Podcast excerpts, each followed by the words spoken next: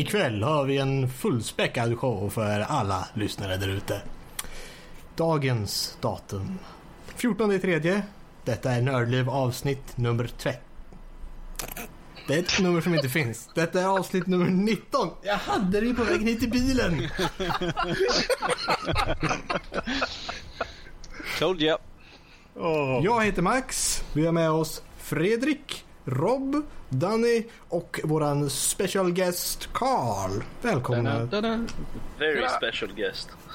Ja, och för att eh, få reda lite mer på om våran gäst och så som är här dragit in från en, i en mörk gränd. Tittar ute på gatan. Du, podcast, in! Okej. Så vi börjar med Carl. Vi får höra av dig, vår första sektion. Vad vi har spelat under veckan. Vad, vad har du haft för Carl? Vad har du spelat för spel under Herregud, veckan? vad har jag inte spelat den här veckan? Jag drar upp Steam får vi se. Uh, till att börja med så har jag spelat uh, gamla hedliga CS. Uh, Gamla hedliga. CS. Är det gamla hedliga Nej, CS okej då. 1.6 tänkte jag Nej, säga? nej, nej, okej då.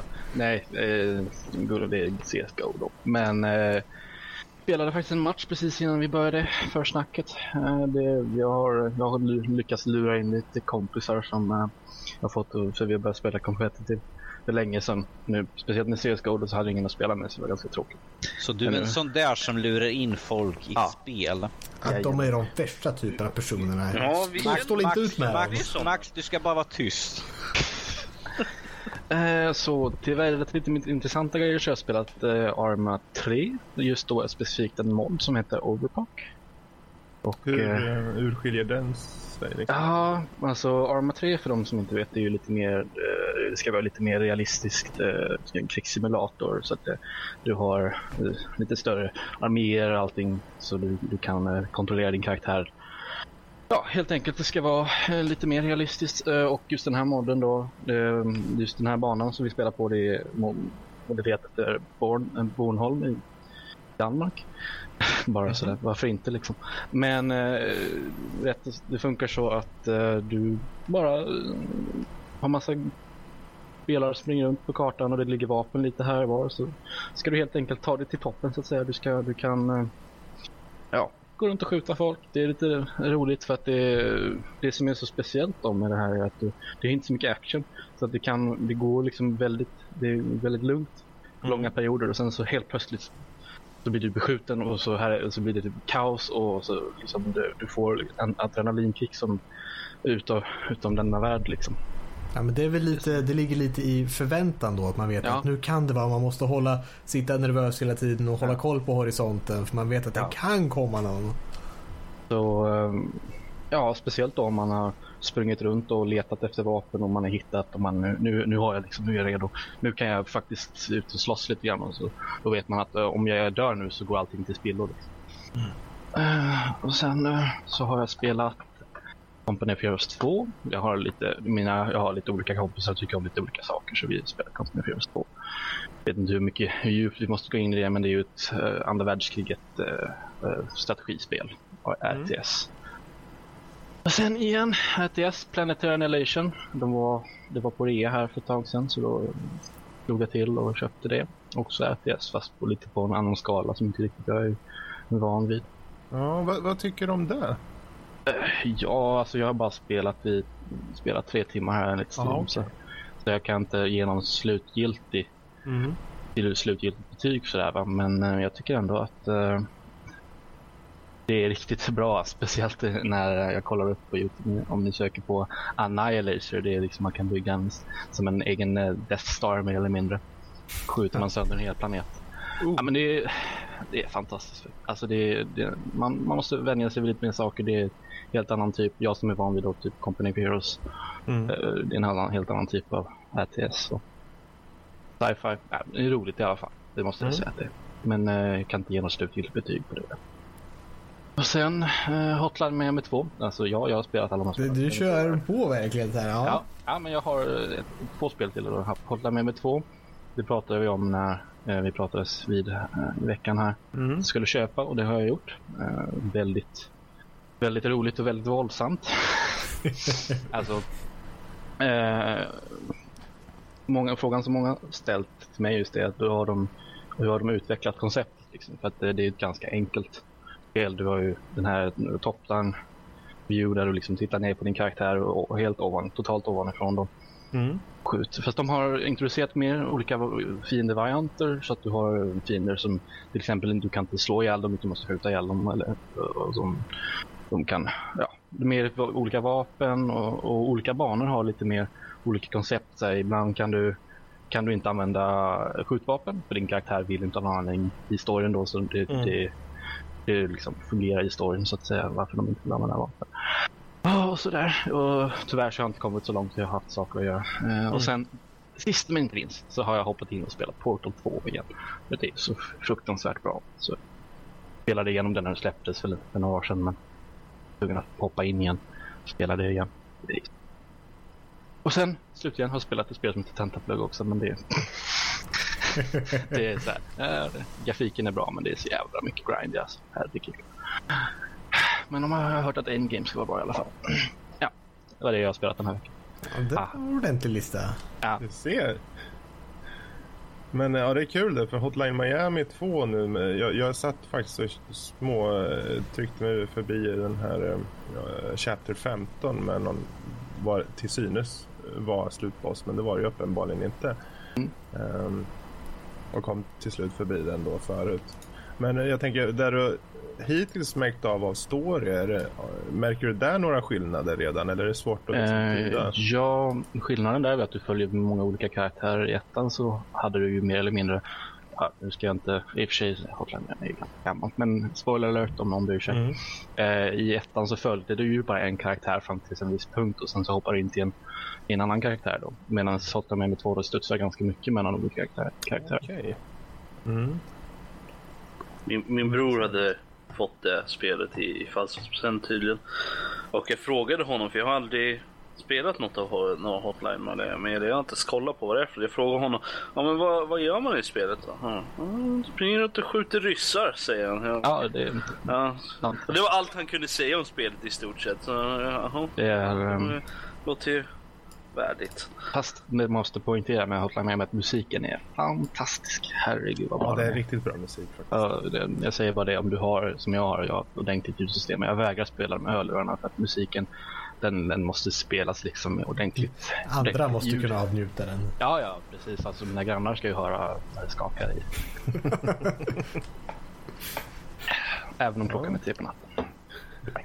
De vaknar upp och säger åh vilken bra musik. Det här ska vi nog sitta och lyssna på ett tag. Låter de verkligen så där? Åh, vilken bra musik! Ja, men de sätter sig upp i sängen förstår du. och så, Åh vilken bra musik jag hör genom väggen. Låt mig ta ett glas vin så här och så sitter vi och lyssnar. Ja, nice. Wow. Eh, dock så måste jag väl ändå säga det att det är väldigt brutalt. Så är inte det ens kopp te så kan man nog hålla sig borta. Alltså, det, är- det är liksom kort, det är väldigt... eh, ja, pulse pounding skulle väl vara rätta ordet. Det är liksom, eh, det är... mm, Vad heter det? High risk, high reward liksom. Du, man måste, du kommer dö mycket. Det är lite som Dark Souls. Det är, som, det är bara det är bara att vända sig. Du kommer dö flera gånger men för varje gång du dör så kanske du hittar liksom en, en, en del Precis. bit på vägen. Ja. Jag, jag var såld på att skjuta ryssar. Så. Ja. Sk- Skjuter ryssar gör man ju definitivt. Men Hotline Miami 2 har lite mer variation helt enkelt. I olika fiendetyper. Det är tyskar, danskar. Ah, ja, Jag tänkte precis säga det. Ja, nej men ja, kul. Inga norskar bara. Alltså, det är okej. Och Ja, de, är, då. de är ju med i ettan. Det är de man Mm. först bara slår ihjäl. Och storyn är fortfarande lika konstig och, och upp och ner som, som Mm. ettan. Jag vet inte riktigt vad som är riktigt verklighet och inte. Det är ju där som det hänger mycket på just i eh, första Hotline Miami. Mm. Med det suggestiva eh, intryck från eh, de här alla masker som man har på sig och Mm. allt det här liksom. Och så. Det bygger upp en väldigt speciell stämning. Och storyn i sig är ju faktiskt, tycker jag, väldigt intressant. Tycker jag absolut.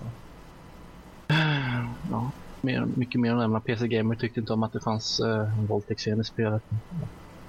Det finns alternativ att skippa. Men det hemskt. Det är ju inte för inte som det var kontroversiellt ändå. Nej. Så. Men jag tror ändå att Hotline Miami, de, de hamnar på en lagom kontroversiell nivå. Det är, inte, det är inte tillräckligt mycket för att det ska bli bannat. I och för sig blev det i Mm, Australien, men, men det är ändå tillräckligt mycket för att det ska bli lite snack. Liksom. Men Australien Absolut. bannar ju massor med grejer. Ja, de, de bannar ju South Park också. Left 4 Dead 2. Left 4 Dead 2. Ja, just det. Herregud. Ah, ja. Ja, de bannar vad de får tag på lite bara. ja, men de har lite konstiga, konstiga idéer för sig. De, de flesta andra länder, de så här, där, där smugglar folk eh, droger och, och vapen och grejer. I Australien, där, där smugglar de tv-spel. Ja, så här, han går runt i mörkren och så har han en kopia Hotline Miami 2. Vill du köpa? Ja. Vidare. Nästa man till rakning. Ja, med, med den här raska takten så då övergår vi till våran eh, lista i Teamspeak. Det betyder att det blir Fredrik, du nästa man på tur. Blir Berätta. det? Det var det värsta. Då blir vi göteborgare. Nej. Eh, Nej, spara det till slut i så fall så jag kan uh, hugga av det. Ja, vad har jag spelat utöver veckans spel? Det är... dels har jag gett mig på Geometry Wars 3. Dimensions. Varför då? Jo, för att jag satt med Resogun på PS4 och det var ju eh, jäkligt kul. Och jag har länge velat haft ett Geometry Wars och sen råkade det varit rea på det så tänkte jag då måste vi köpa det. Varpå jag gjorde det och sen har jag suttit med det och eh, ja vad ska man säga? Det ligger ute en video redan nu på vår Youtube så ni kan ju titta lite gameplay där också om ni så önskar. Eh, men i grund och botten så är det ju en shoot em up så att säga. Du eh, har eh, limiterad tid, typ två minuter, där du ska nå en viss poäng för att kunna ta vidare till nästa bana. Och det är inte svårare än så liksom, kan man tycka. Men det är svårt att nå de där poängen och det är twin stick shooter, det vill säga att du eh, styr med ena sticken och du skjuter med andra. Så, men äh, grafiken är väl ganska så speciell. Det är ju allting i geometriska figurer och det är väldigt så här, Tron-liknande nästan. Och, äh, ändå ganska snyggt tycker jag faktiskt för att vara ett så pass till synes litet spel. Men det, det är faktiskt en, en ganska stor rekommendation om man gillar den typen av spel. Då. Uh, utöver det, jag, jag var ju tillsammans med alla andra 40, 250 000 eh, människor som köpte City Skyline. Till och med jag har börjat tänka på det nu när jag ser det dyka upp överallt. Ja, och jag har lagt ner ett par timmar redan på det och det är inte, det är inte svårt att lägga ner ett par timmar på det. Nope. Är det så att det är det som SimCity borde vara? Eller? Ja, Definitivt. jag tror det var exakt den uh, headline jag såg i min mail från typ FZ eller något. Där, uh, City Skyline, där SimCity borde varit. Eh. Ja, precis. Ja, nej, det, framförallt, det, först och främst är det bara roligt. Eh, det, det, dock i början så kräver det att du hittar rätt sätt att påbörja din stad. Men när du väl- har kommit igång så eh, flyter det på ganska bra. Och du har inte allting från start utan det, det är baserat mer på antal invånare. Så för, se till att du inte fuckar upp då utan låt staden växa i sin takt. Och eftersom så kommer du låsa upp nya former av uh, byggnader och uh, policies. Man kan lägga policies, policies på olika distrikt. Du kan göra egna distrikt. Ungefär som du gjorde förvisso i SimCity. Men här är för, det är väldigt smidigt överlag. De har fått uh, ett väldigt bra användargränssnitt. Det är väldigt fint i sig tycker jag spelet. Gjort i Unity vad jag har hört. Um, och uh, sådär eh, gött som man bara sätter sig och tänker sig ja men jag, jag bygger lite här och sen har det gått fyra timmar. Alltså livsfarligt. Mm.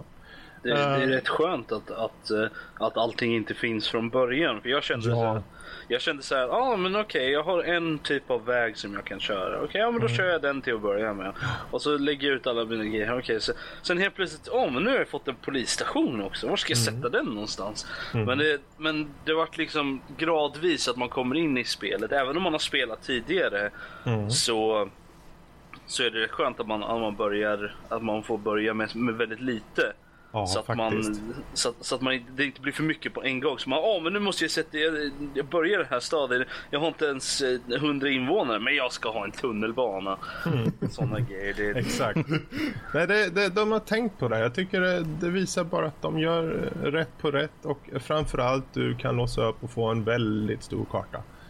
Eh, och det följer med redan från start uh, editor och liknande. eh, så du kan väl göra dina egna kartor sen och vi får se om det kommer upp en liten Örebro. Vad vet jag. Örebro. Så, men jag tycker det är ett jättekul spel faktiskt och jag, jag trodde först att ja, men jag kommer knappt hinna säga något om City Skyline. Jag har ju bara lagt ner x antal timmar. Fem timmar. Det, det, ja. Eh, och det var bara idag liksom. Så för mig är det liksom Du gick nyss upp ganska... eller? Ja, jag ska inte säga när jag gick upp. Men eh, ja, det, jag trodde inte jag skulle sitta så länge med och då blev det fem timmar där. Då. Eh, bra spel. Slutligen då så har jag suttit med The Last of Us på PS4. Remastered eller? Ja, det var rea, eller veckans eh, spel eller vad de kallas. Jag vet inte vad Det är veckans de allt skäligt från någonstans. vilken Ja, skiva vilka alltså. veckans någonting, rabatt eller något. För 100 spänn någonting fick jag det för. Ja, 120 men det är ju svårt att motstå. Och då tänkte jag, för det hade jag ändå tänkt köpa. Och eh, det kan man väl säga, det har ju en story som... Det är få spel som jag kan säga att från start när den visar upp, eh, jag skulle inte säga filmklipp eller så, ens, utan en integrerad del i, i, i ditt spelande som får dig så rörd som inledningen gjorde. Det, var, det sparkade mig nästan i ansiktet faktiskt, eh, kändes det som. Det var, ja, bara där, utifrån där så, bara där har vi en rekommendation att du ska spela. Men det här är ju inga nyheter direkt för de som har spelat. Det har ju funnits ute länge nu. Men ehm, det är ju då en, um, en tredjepersons action, eh, något åt skräckhållet.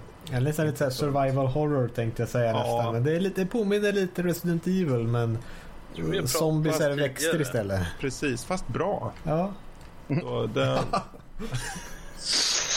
så alla Okej. som tycker att jag är idiot för att jag dissar på Resident Evil mejla in på info.nordlivpodcast.se Men som sagt, det är ju Kan bättre än Resident Evil. personliga Nord- Nordliv podcast mail också? Men det är roligare om alla får läsa, eller hur? Ehm, det är ju så många, det är väldigt fint tycker jag. Förvisso så är det ju den här HD Remaster, jag vet inte skillnaden riktigt utöver att de har piffat upp texturer antagligen och så, men om det är någonting utöver det vet jag inte. Jag tror, jag tror det bara är det för att de skulle kunna sälja det till, eh, Mm. till PS4 också. Och det, det, det gör inte så mycket. Den har ju som sagt en väldigt bra story och det, gameplayet är ju faktiskt eh, så här, du kan crafta ihop lite grejer och så. Och sen ska du smyga och sen ska du skjuta och sen ska du prata och sen och det flyter ihop ungefär som Order 88, 86 gjorde på det sättet att det kändes flytande i, sitt, i, i eh, sekvenserna mellan eh, själva gameplay mot de här cutscenesen då. Men ibland, ibland kan det vara lite svårt att veta vad man ska göra för någonting. Alltså när det kommer till, ska jag smyga eller ska jag bara skjuta dem eller vad ska jag Mm. göra för någonting? Det, det kan vara lite svårt ibland att veta exakt vad man ska göra. Eh, men det är mest i... Det blir ju lite, det blir ju lite trial and error ofta. Ja, det, det, det är mest lite senare i spelet som, det, som det Mm. blir lite mer ambiguous när det kommer till det. I, I början så är det ganska cut and dry Precis. vad du ska göra för någonting. Men det är ju för att man ska lära sig. Ja. Men, eh, Men ja. eh, ja, det, alltså jag kan ju inte säga annat än att jag tycker om det och det bör man spela om man sitter på en PS4 eller en Playstation 3 för den delen också. Eh, och särskilt nu om man kommer över en billigt så är det absolut något man bör köpa nästan kan jag säga. Det, Väl värt det. Ja, faktiskt. Men där har vi i alla fall de som jag har kört utöver veckans spel då. That's Se där, se där. Bra sammanfattning och kort liten gott liten lista av herr Olsson. Då ska vi alltså höra med en av våra Larssons, Rob. Vad, vad har du pekat och klickat på i veckan? Bara för att du säger det så ska jag börja med Broken Sword 5. Ja, titta. Vilket faktiskt är ett B-klickarspel. Jag hade inte förväntat mig något annat. Du hade inte det? Nej. Ja, nej, eh, jag, jag har suttit och knåpat lite på Broken Sword 5. Jag gjorde en livestream på den också i veckan. Men jag tror jag glömde att fixa så att den lades upp på Youtube. Så det får vi Det får vi fixa. Så ja, kan du, får du göra det. får jag göra för dig Fredrik. För jag tror min förra spelsession är för den innan det också är inte heller på Youtube jag glömde fixa det. För, dålig på det. Men, eh, men den spelar jag det är så här. Det är, det är så här äventyrs noir-spel. Är det, Broken Sword. Och jag har pratat om de andra Broken Sword innan har jag gjort. Eh, och femman kom ju här, jag tror det var förra eller förra, förra året. Jag tror slutet på 2013 kanske det var, eller början på 2014 som det kom. Och det var ju en sån här kickstarter-grej eh, som de gjorde eh, för, att få, för att göra det spelet. Och sen så släppte de det i två episoder. Och jag vet inte, jag tror inte det är så jättedyrt på Steam just nu, men det är, det är jättebra. Det, det, snubben som gör rösten för uh, George Stobart är tillbaka från de andra spelen. De har bytt ut uh, Nico för typ femte gången.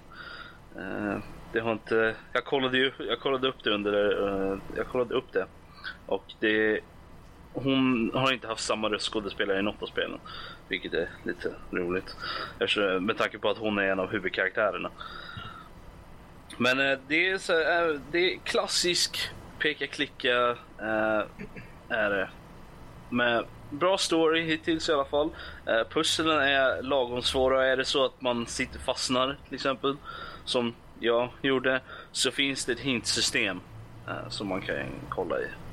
Så att, så att man inte sitter fast allt för länge. Mm, och eh, eh röstskådespeleriet är, är bra. Eh, Det visuella är väldigt snyggt. Eh, Det är handritade bakgrunder med, eh, jag tror det är cell-shadade eh, 3D-karaktärer. Så att det är väldigt, väldigt snyggt. Så att det rekommenderar jag starkt. Och sen har jag kört, vad, vad har jag mer spelat? Jag tänkte bara, för, förlåt, jag tänkte bara flika in där med att för alla som faktiskt tycker väldigt mycket om PK-klick och särskilt den här, den här spelserien så har de ju just nu en jäkla bra eh, kost på om du vill köpa den på Steam. Uh, 1,99 för respektive del där eh, på de tidigare tre. Du kan köpa som en uh, trilogipack för typ 3,99. Och sen har du även uh, fyran och femman då för väldigt nedsatt pris. Bara ett tips. Go by nu. Det, det är ett kommando från, från Rob här. Aldrig. Ehm, jag har även kört eh, City Skylines då. Jag också. Så jag satt och... En av de få utvalda. Ja. Jag, jag satt och tittade på, jag har följt den eh, på Youtube, en sån här Let's Play, en sån som spelat det redan innan det kom ut, som hade en sån här eh, Early Access. Så det har varit väldigt hypad över att spela det spelet, så nu jag tog och procurade det då här i, i tidigare idag. Så att jag så att jag, så att jag knåpat i det. Jag lyckas komma så att jag börjar, by, börjar planera ut min stora stad nu. Eh, istället för de suburbs som man har innan. Så det, det är väldigt, det är, jag tror Fredrik har sagt det mest, mesta om, om det. Jag gillar det skarpt i alla fall. Det är väldigt nice. Mm, ja, jag är såld. Jag är upptagen imorgon. Ja, gå och köp nu. Mm. Det är ju inte så fasligt dyrt heller tycker jag. Nej, jag menar, om Rob kan- har råd med det som inte har råd med så här fem kronors spel då bör jag ha råd med det. Mhm. Ja, vad kostar den? 27,99 någonting Ja. euro. Ehm, jag menar, de kunde ju ha tagit ett högre pris egentligen tycker jag. Ja, ja. Lå, låt dem hållas. Ja, ja, för, för all del. Behöver inte Jag är nämna det till glad att de ändå eh, har en sån eh, nivå på priset. Ändå för ett, ett splitternytt spel. Så, ja. Mm, mm. Ja, nej, förutom det så har jag spelat veckans spel bara. Jag- Det har inte blivit så mycket spelande. Spelande den här veckan inte. Du är så upptagen person, vi vet. Vi vet. Jag ligger och sovit en massa. Precis, vi vet. Gud. Ja, nej men det, det var jag spelat. Mm. Danny? Titta, han vet redan ordningen. Danny, tala. Spel, vecka. Ah, spelvecka. Jag. Du, mm, Nu. gröt. Eh, Gröt. what? Eh. Nej. Eh, ja, eh, Ja, för min del har det inte blivit så mycket variation på spelen den här veckan. Utan det har varit sådana spel som jag har spelat tidigare. Chockerande. Eh, Så det är inte så mycket nytt egentligen. Det är ju som vanligt veckans spel. Sen har det South Park, lite full met- äh, Playstation 2 då, Full Metal Alchemist och Rogue Galaxy som jag har pratat om föregående gånger också. Uh, har ju spelat. Sen hoppade jag in en liten sväng på Lego Lord of the Ring. Plockade några achievement. Jag försöker 100% av de spelen i alla fall. Så fastnade jag på någonting där och liksom tänkte att ah, nu behöver inte jag spela mer. Uh, sen igår kväll så hoppade jag in en liten sväng på Splinter Cell Blacklist och sprang kring och sköt lite terrorister. Medan två andra personer satt och sjöng America Fuck Yeah i bakgrunden. Vi Var? nämnde, inga, namn Fredrik och ja, satt det liksom och la America fuck yeah tills man blir tokig. Tills man blev amerikan. Ja, jo precis. Så, men det är, det är de spelen jag spelar så det, det har inte varit så mycket nytt spelande för min del utan det har varit mer gå tillbaka till spel som jag redan håller på med och betar av sakta men säkert uh, spelen. Ja, men då är det så. Så lite kort kort. Men alltså det blivit mycket speltid men att eh, det är på spel som jag, jag redan har pratat om så det, det är ingen nyhet direkt. Vad, och jag tror att de flesta redan vet vad de flesta spelen kanske inte så mycket Full Metal Alchemist eller Rogue Galaxy eh, är för någonting. Och det är två stycken eh, Playstation 2-spel. Det är med liksom action RPG. Så med, med typisk eh, RPG-upplägg, rädda världen. Så Mm. men de är kul och det är, det är lite nostalgitipp för en annan sätt så spela alltid dem. Som jag sa här sist att du köpte en sprillans ny PS4 och jag känner mig inspirerad att spela PS2 istället. Mm. Mm. Känner du dig gammal Danny? Nej, jag känner mig inte ett dugg gammal. Då så. Mm. Men eh, Max, Ja, då är vi, då är vi tillbaka till lilla mig. Vad har Max inte spelat den här veckan? Ja, det vore en väldigt lång lista. Vill du att jag ska dra den? Nej, nej, vi kan gärna ta vad du har spelat den här veckan. Ja, vad jag har spelat den här veckan är primärt Heroes of the Storm. Oh. Där, där har vi ett, eh, ett spel som eh, långsamt men säkert eh, drar mig ner till the abyss så att säga för att använda utrikiska termer. Okej. Fick du Ja. betala för att komma in eller? Ja, jo, jo, men jag slänger pengar på alla spel höger och vänster Ja. så att eh, det, så, så blir det bara. Jag köper ju spel som jag inte spelar ens. Ja, jo, jo, det gör jag i och för sig också. Men du, vissa tycker mer om mig då som fick en inbjudan. Ja, jo, det, det kan jag tänka mig. Kan jag tänka mig men det blir så när man är girig och säger jag vill spela nu! Och säger de, ja du, du kan ju få invites om du har någon annan som spelar spelet eller så kan du anmäla dig för beta. Jag vill spela nu! Säger jag, med 35 dollar så kan du få, jag vill spela nu! Klick! Tack! okej. Det är så det funkar. Jag menar, man, man, har ju lust att spela saker. Då vill man ju spela. Man kan inte sitta och vänta på grejer. Vi lever i en digital ålder. Jag gillar jag, din jag, approach Max. Hade jag pengar så skulle jag göra så i många, med många spel faktiskt. jag är ju smålänning då, så jag kan inte, jag kan inte tänka på det sättet. Det går inte. Ja, nej, smålänningar, ni, ni kan inte. Det går inte. Nej. Men hur tänker Pengar man reor då? Med Steam-reor? Ja, det, Då måste man köpa för det är så billigt. För att, menar, då kanske det inte är billigt någon annan gång när man vill spela det. Mm. Så har man ju det där. Precis. Nej, men uh, Heroes of the Storm i alla fall. Jag fick ju beta-inbjudan där. Så det tycker jag är väldigt roligt. Eh, jag vet inte vad du tycker. ja, jag tycker spelet är väldigt bra. Jag, jag tyckte om folket i början när man inte kunde någonting om spelet. Mm. Men jag, jag tror inte jag har vunnit mycket matcher idag. Där jag suttit och spelat. Jag har spelat en del och man, man ska spela med kompisar desto mer och mer man spelar det spelet. För att du... Mm, communities Mm, alltså det- kommer. Du, har- du har ju inte, du har inte fel i säga men det är mycket mer förlåtande än andra Moba-spel. Ja. Man, kan, man kan klara sig bättre själv i det spelet. Det var roligt. Man kunde bara gå in och spela lite vad man ville. Man behövde Ja. inte tänka på laguppsättning eller någonting. Men nu när man börjar bli bättre på det så det finns ju någon form av matchmaking i bakgrunden. Att man börjar Ja. komma upp till den nivån nu där folk börjar bli lite duktiga. Så att har du en sämre laguppsättning så kan du förlora även om du är lite bättre på spelet. Då börjar det göra skillnad. Och då, då, då får man alltid så fort någon gör ett misstag, springer till ett annat ställe eller inte tänker på samma grej eller bara inte uppmärksam i en, en minut så kommer kommentarerna flödandes att ja du är din idiot, vad gör du? Du skulle ju gått och tagit den här. Nu har vi förlorat. Ja, AFK i basen, hej då. Mm. Och mm, ja. Det är dock desto roligare när man gör det till andra laget.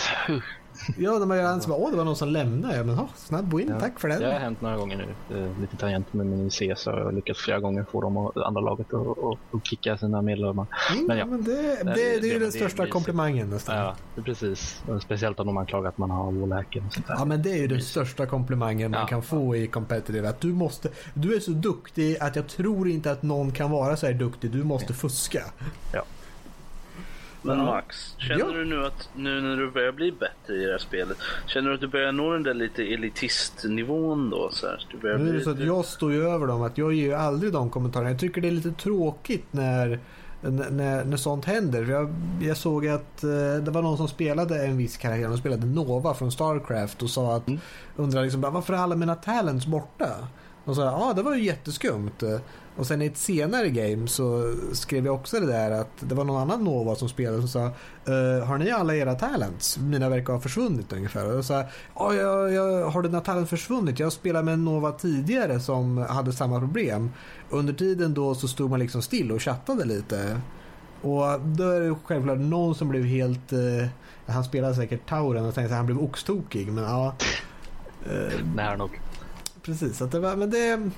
Ja, då, de vill verkligen börja skriva. Det är eh, tragiskt att, att se att det är bara muta chatten så att säga, ignorera alltihopa och spela sitt eget lilla race. Det, det är nästan synd för att man inte kan tala strategi. Så att jag eh, helst vill jag spela med en lagkamrat som man känner. Så att det, det, det ska bli mitt nästan minimum. Men det var som sagt, jag ville köra en viss hjälte eh, lite idag så att jag tog och körde ett par games med den och hade lite otur med matchmakingen helt enkelt bara.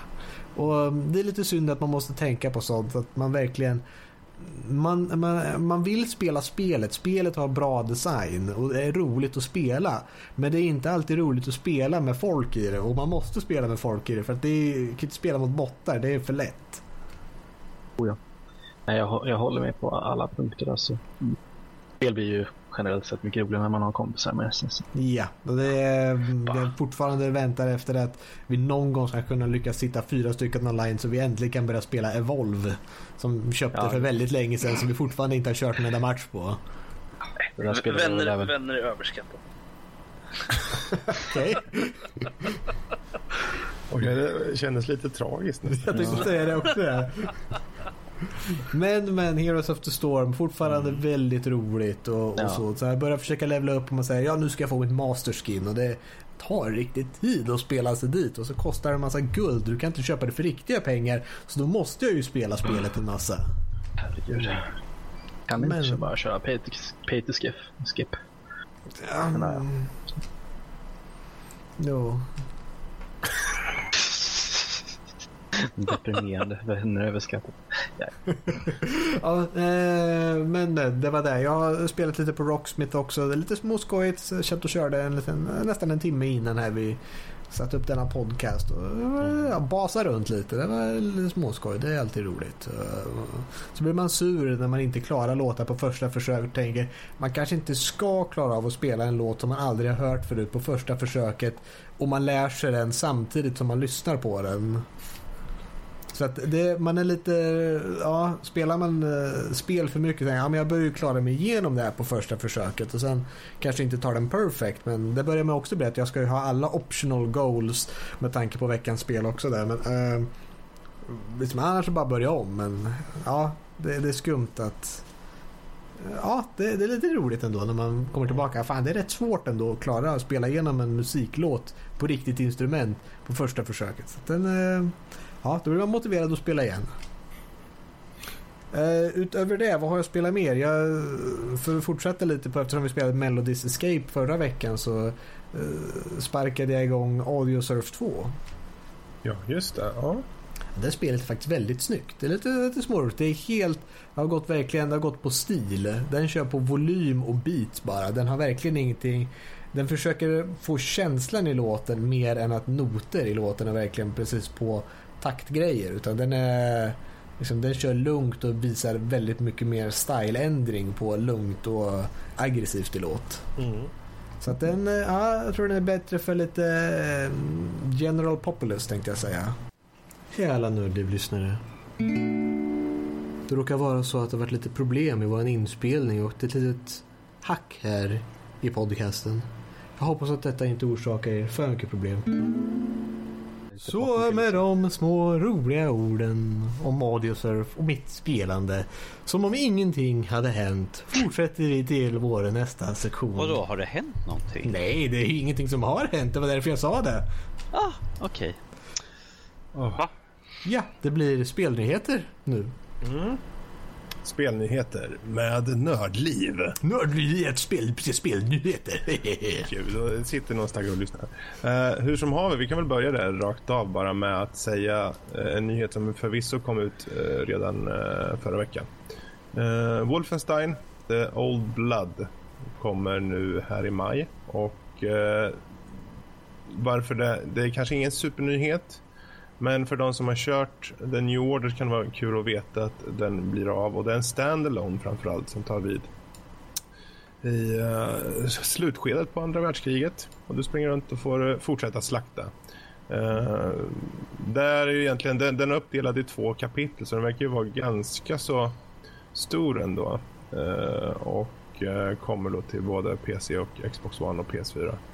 Så det, det är bara ett tips där att se, se upp på lilla radarn där framöver i maj och uh, är det som ni har kört The New Order så kan det vara 5 mycket maj tips. i alla fall i USA. Vad det kan vara i Europa det är svårt att säga. Men 20 dollar också, vilket är Mm. viktigt. Så man lär väl se det för 20 euro på Steam.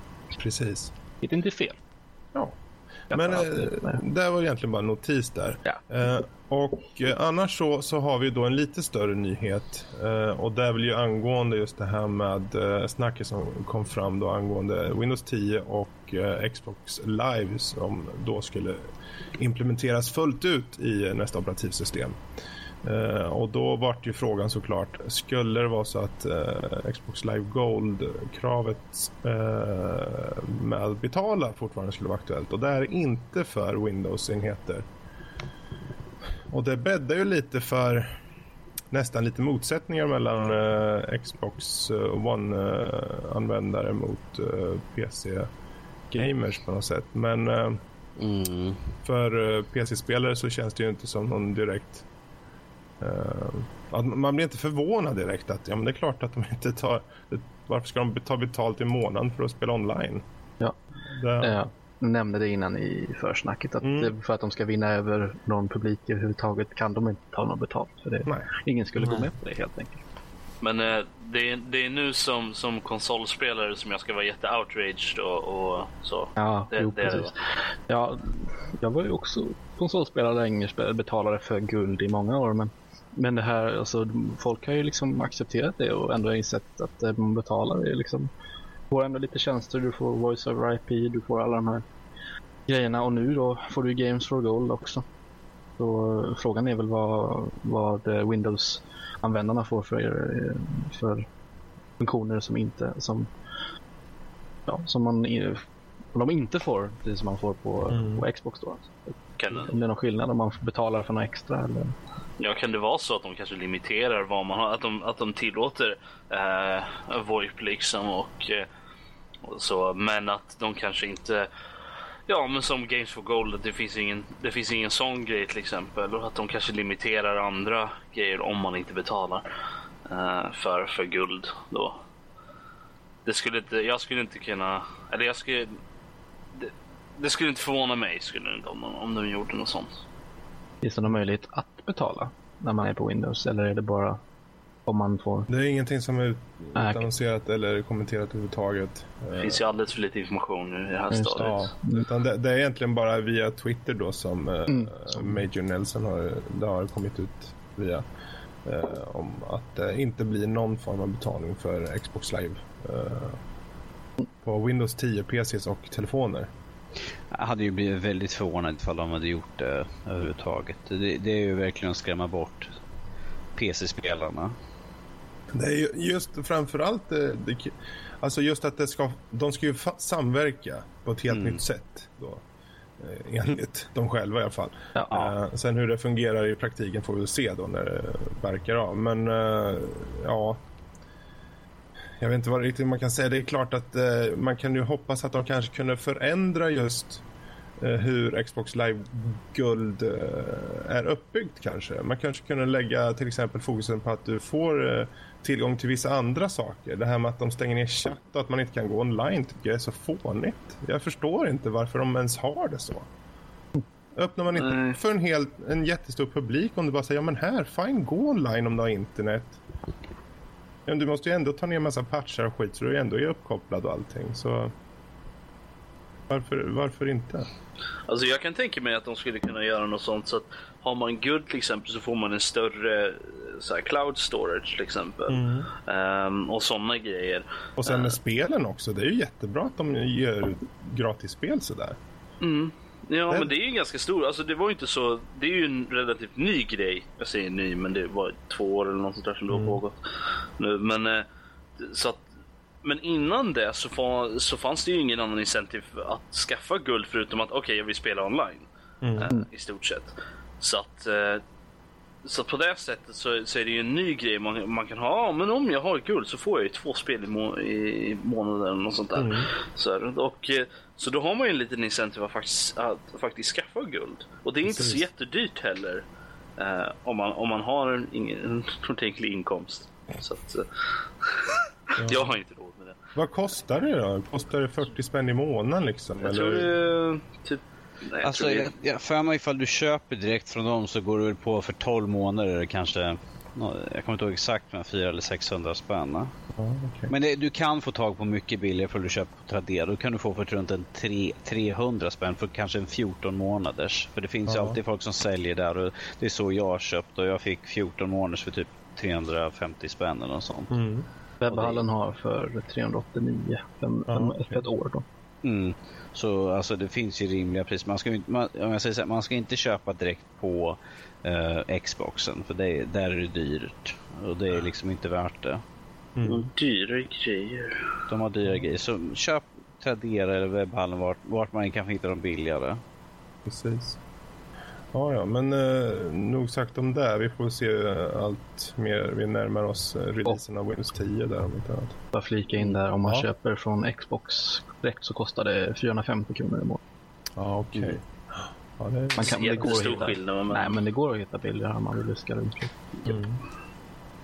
Men eh, där har vi i alla fall de nyheter som vi eh, tänkte vi skulle ta upp den här veckan. Det är inte mer än så. Mm, se där ja, se där ja. Då från våra spelnyheter så drar vi vidare till eh, veckans spel. Dun, dun, dun. Alltså vem ska med? Hoppa in så åker vi. Mm. Här har vi en liten animation på hur vi alla fem sitter i en bil och åker lite. Grab my arm. Ja, men eh, veckans spel. Eh, denna sektion där vi då eh, i föregående vecka nämner ett spel som vi spelar och kan sedan alla diskutera det. Nämn detta en tidigare vecka bara för att våra lyssnare även ska kunna spela med eller färska upp minnet på detta spel så att de vet vad vi talar om. Bra det där. började bra, men sen så bara... Jag är stolt över mitt framträdande, jag tar inte tillbaka något. Okej. Veckans spel denna vecka var Assassin's Creed nummer 3. Som inte är nummer 3 i serien utan cirka nummer 5. Men Assassin's Creed 3 nonetheless. Alltså, alltså man, säger, du kan, man kan inte säga Assassin's Creed nummer tre, för då, för då pratar man om, eh, om Brotherhood. Ja, jo. Eh, men utan man säger man Assassin's Creed 3, då är det rätt spel. Då blir det rätt. Men det, man ska, måste introducera det som Assassin's Creed och sen kan man inte säga 3 bara. Det låter ju jättetråkigt. Man måste heter få det att låta lite mer roligare. Assassin's Creed nummer Okej då, 3. Assassin's Creed America Fuck Yeah Edition. Mm, det bättre? yeah. Så det är inte det. America, är Assassin's Creed som står väldigt, väldigt peculiar uppe på ett kyrktak som inte vore möjligt. Men ja. Eh, I alla fall, eh, vem vill tala lite om Assassin's Creed 3 här? Någon som kan kan introducera spelet? Jag kan börja. Kör, kör. Jag har, nämligen, jag har suttit och gjort en liten kort, kortis här hoppas. Utmärkt. Det blir säkert längre. Förberedd. Professionell. Ja, visst. Uh, Assassin's Creed 3 då, en kort beskrivning av spelet utifrån vad jag ser det som i alla fall. Det är då ett actionäventyr i öppen värld.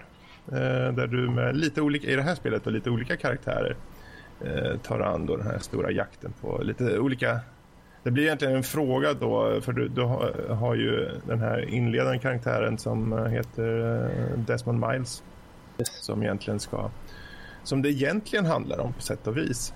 Han är den moderna protagonist, protagonisten. Ja. Nutidsprotagonisten. Ja, och eh, det är ju då hans minnen eller hans, an, vad säger man? Förfäder. Förfäders minnen då som vi tar oss an.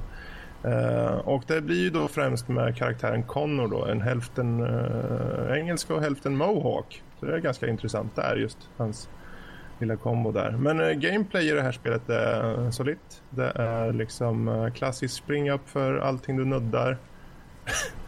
Klassisk uh, Assassin's Creed. Ja, uh, det blir liksom objekt man kan hoppa upp på och klättra och eh, förvisso kan det kanske irriterande, irritera lite grann då. Det kanske inte känns hundraprocentigt men det är ju Assassin's Creed och det är ett Assassin's Creed som är faktiskt en av de bättre tycker jag. Absolut. Ehm. Uh, sett i game, gameplay i alla fall. Jag kan hoppa Mm. in lite senare om det blir. Yes. Eh, jag vet inte, storyn i sig, jag vet inte riktigt hur man... Det är så, jag tycker det är så... Det är liksom en, en jäkla sak att sitta och försöka... Men uh, Brett, eh, du, du har Ja. ju Connor Kenway, men även Desmond Miles. eh, under det amerikanska revolutionskriget kring eh, Boston och New York. Och eh, du får träffa alla möjliga historiska personer. Benjamin Franklin, George Washington och så vidare. OSV, OSV. Ja. Och... Och Eh, som, ja, jag tänkte säga det. Som vanligt så ska man jaga efter någon magical McGuffin för att Ja. lösa något problem. Alltså, låsa Precis. upp. Alltså, det är, ja, jag, jag ska säga det nu att jag uppskattar inte storyn i Assassin's Creed. Det blev lite långtråkigt efter ett tag. Mm. Jag skulle, skulle återuppleva hans förfäders minnen och så ska man hitta någon, någon slags uh, grej någonstans där de ska lösa alla världens problem. Det är precis. samma sak i det här spelet i grund och botten. Ja, Sen Nej, så, men det är ju det. Och det, nu kommer vi till lite pros and cons här. Det, jag tycker... eh, Jag har inte kommit tillräckligt långt för att komma till fartygsbiten. Men eh, som Mm. jag har förstått så har den eh, en väldigt en, ehm, bra, för det var ju den första då innan Black Flag. Och Black Flags fartygsstyrning tycker jag mycket om. Mm. Ehm, så jag får tyvärr vara i antagen om att den är okej där. Den är inte Eh, lika bra. Är den inte. Nej, det- Nej, den är ju, det- den är ju det som sagt spel. före, så, men ändå. Ja. Eh, va, jag har skrivit som plus här, man kan hoppa runt i träd, alltid roligt. Eh, episk känsla, det är lite bra mysterie och så. och Det är en eh, helt okej gameplay vad gäller fysik och så. Ehm, det kan vara uppdragsstrukturen däremot kan vara lite repetitiv. Eh, Det finns en hel del glitchar och lite konstiga buggar ibland. Och sen som sagt, den, ju fort du nuddar något så ska han komma på att han ska springa upp för det. Å andra sidan kan det vara väldigt roliga små... eh, Jag satt ju och spelade in här, eh, här om kvällen med Danny och bara det att man om, vi, om man skiter i storyn och allt det här och bara lallar runt så kan det bli väldigt roliga situationer. Man, till exempel, ja men du, jag gör så här, jag jagar av ett par killar och så ser man längre fram, det står en snubbe med en högaffel och bara står där och öser hö. Det är allt han gör. Han tydligen gör han det hela dagen för han rör sig inte ur fläkten. Han står bara öser hö.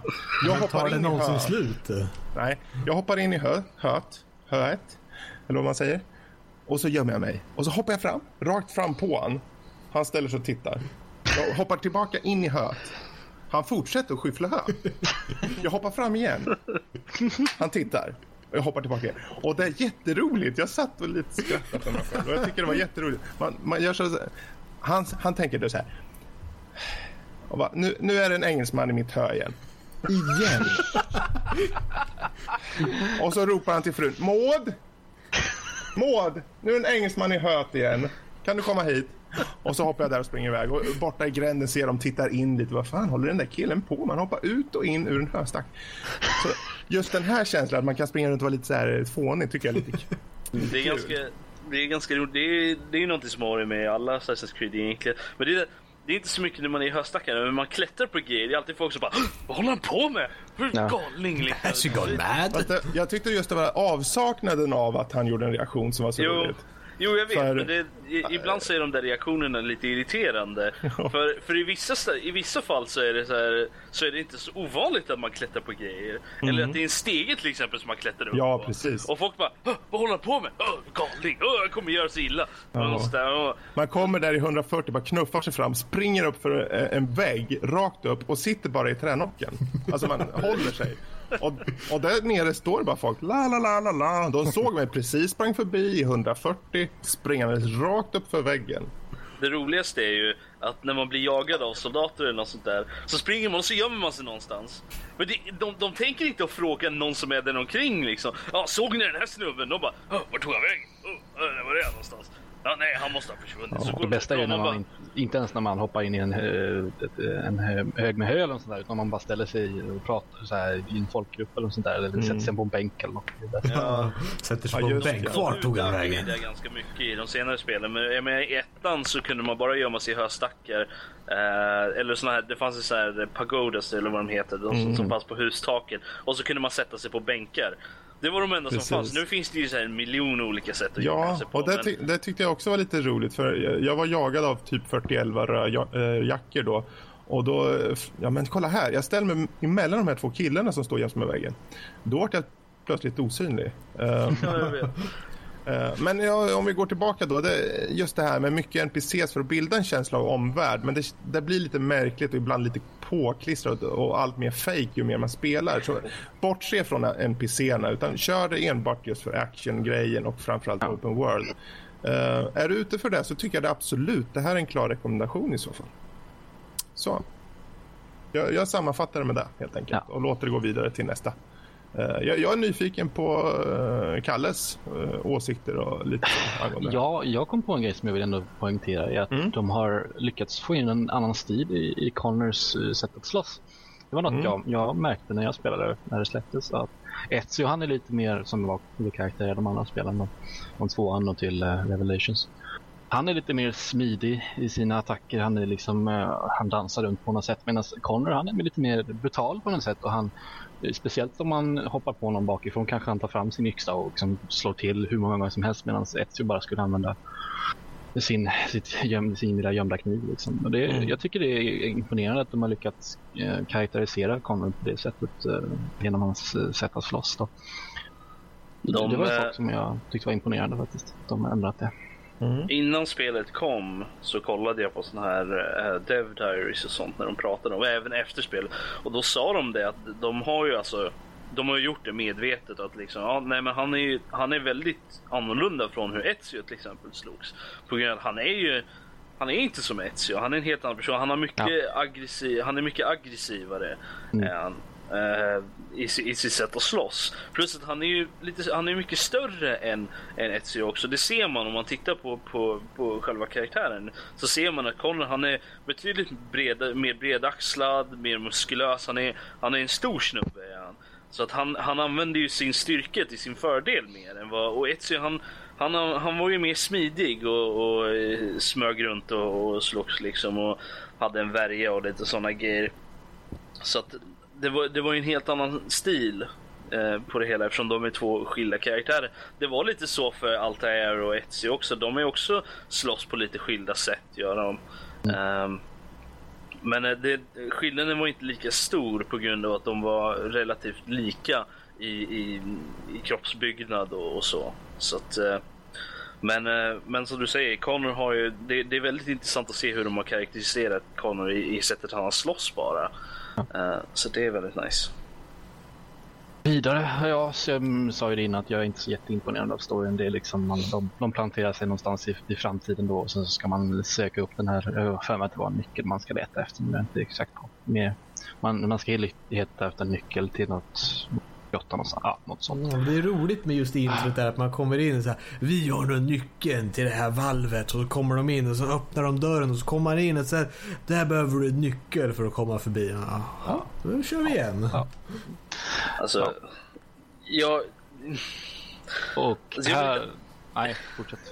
Jag vill inte argumentera storypoängen för jag vet att, eh, att, vi, att vissa inte gillar den. Men samtidigt så, så, säger, så tycker jag att har man spelat framförallt eh, tvåan, Brotherhood och Revelations, ettan är ju också lite required reading känner jag för att verkligen få det stora skopet. Men man får, man får det mesta i, i tidbits i, i tvåan eh, och de andra två va? Ehm, i Etsy's, Etsy's story helt enkelt. Har man spelat dem så har man lite mer koll på, man, man känner att storyn it makes sense.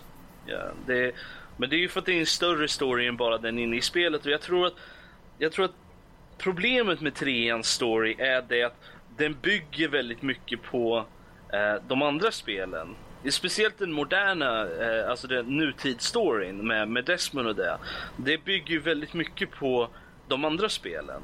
Och det kan vara lite problematiskt eftersom de har ju satt upp Assassin's Creed-spelen lite som att ja, men du kan ju plocka upp ett och spela och du behöver inte kunna de andra.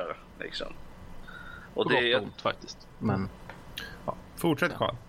Nej, oh, vad var det jag tänkte säga? Eh, jag gillade slutet. Jag tänkte inte säga vad slutet är, men jag gillade det för, av en, eh, viss eh, anledning. De som har spelat vet nog ja, jag var lite trött, trött på saker och. Ehm, så att, eh, nej, alltså jag ska säga det. Jag, jag kan ändå rekommendera trean för att det är just för, för gameplay. Alltså det finns mycket att göra. Det finns eh, collectibles, det finns eh, sidouppdrag och det är ändå väldigt bra eh, produktionskvalitet på allting. Så grafiken är där och animationskvaliteten är där. Allting. Så absolut, du får en tumme upp från mig men storyn är lite sådär. Mm. Mm. Vem vill gå näst? Ska vi gå igenom listan? Ja, vem är näst på listan? Ja, om vi ska gå egentligen över listan så kommer jag på listan då. Men jag kan, kan ju ta min egen lilla åsikt och säga. Jag har spelat eh, Assassin's Creed 1 cirka halva spelet när det kom ut. Och sen har jag spelat igenom ungefär två tredjedelar, kanske lite mer någonstans där av Assassin's Creed Brotherhood. Och sen nu eh, första timme, en och en halv eller någonstans på Assassin's Creed 3. Så jag är väldigt så här in och ur i serien men ändå jag Okej, har... jag, jag, om jag får flika in kan jag säga Mm. det. Jag har spelat ettan, tvåan, Brotherhood och Revelations och så fram till trean sen tappade de helt. Jag har Ah, tyvärr inte spelat Black Flag. Det- Jag har hört att det är jättebra och jag borde göra det men Mm. sen Det kan ju vara det de för att det är en ny historia då. Ja, absolut.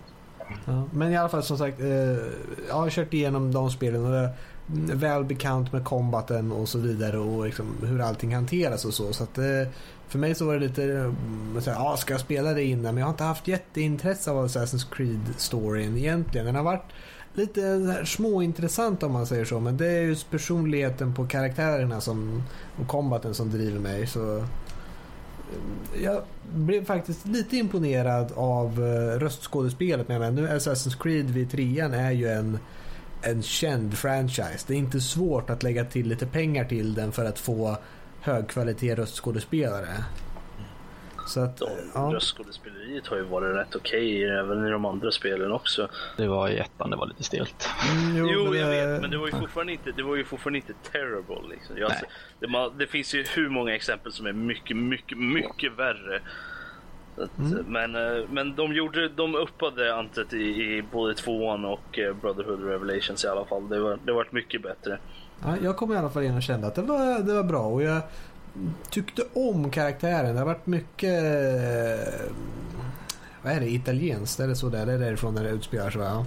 Eh, ja, just det. Ja, jag var tvungen att tänka så Mellanöstern. Mellanöstern och Italien. Precis. Ja, eh, men som sagt, det var kul att få brittiskt. Jag, jag tyckte om den första karaktären man spelade som. När man åkte över skeppet och alltihopa. Det Ja, kändes som att... Ja. Hathan ja, Kenway. Det tyckte jag om. Det var en twist som hette duga faktiskt. Ja, men det- det- häpnad Den, den kan vi låta bli att prata om tycker jag, för det Men- tycker jag spoilar en massa. Ja, okej. Så säger vi spoiler.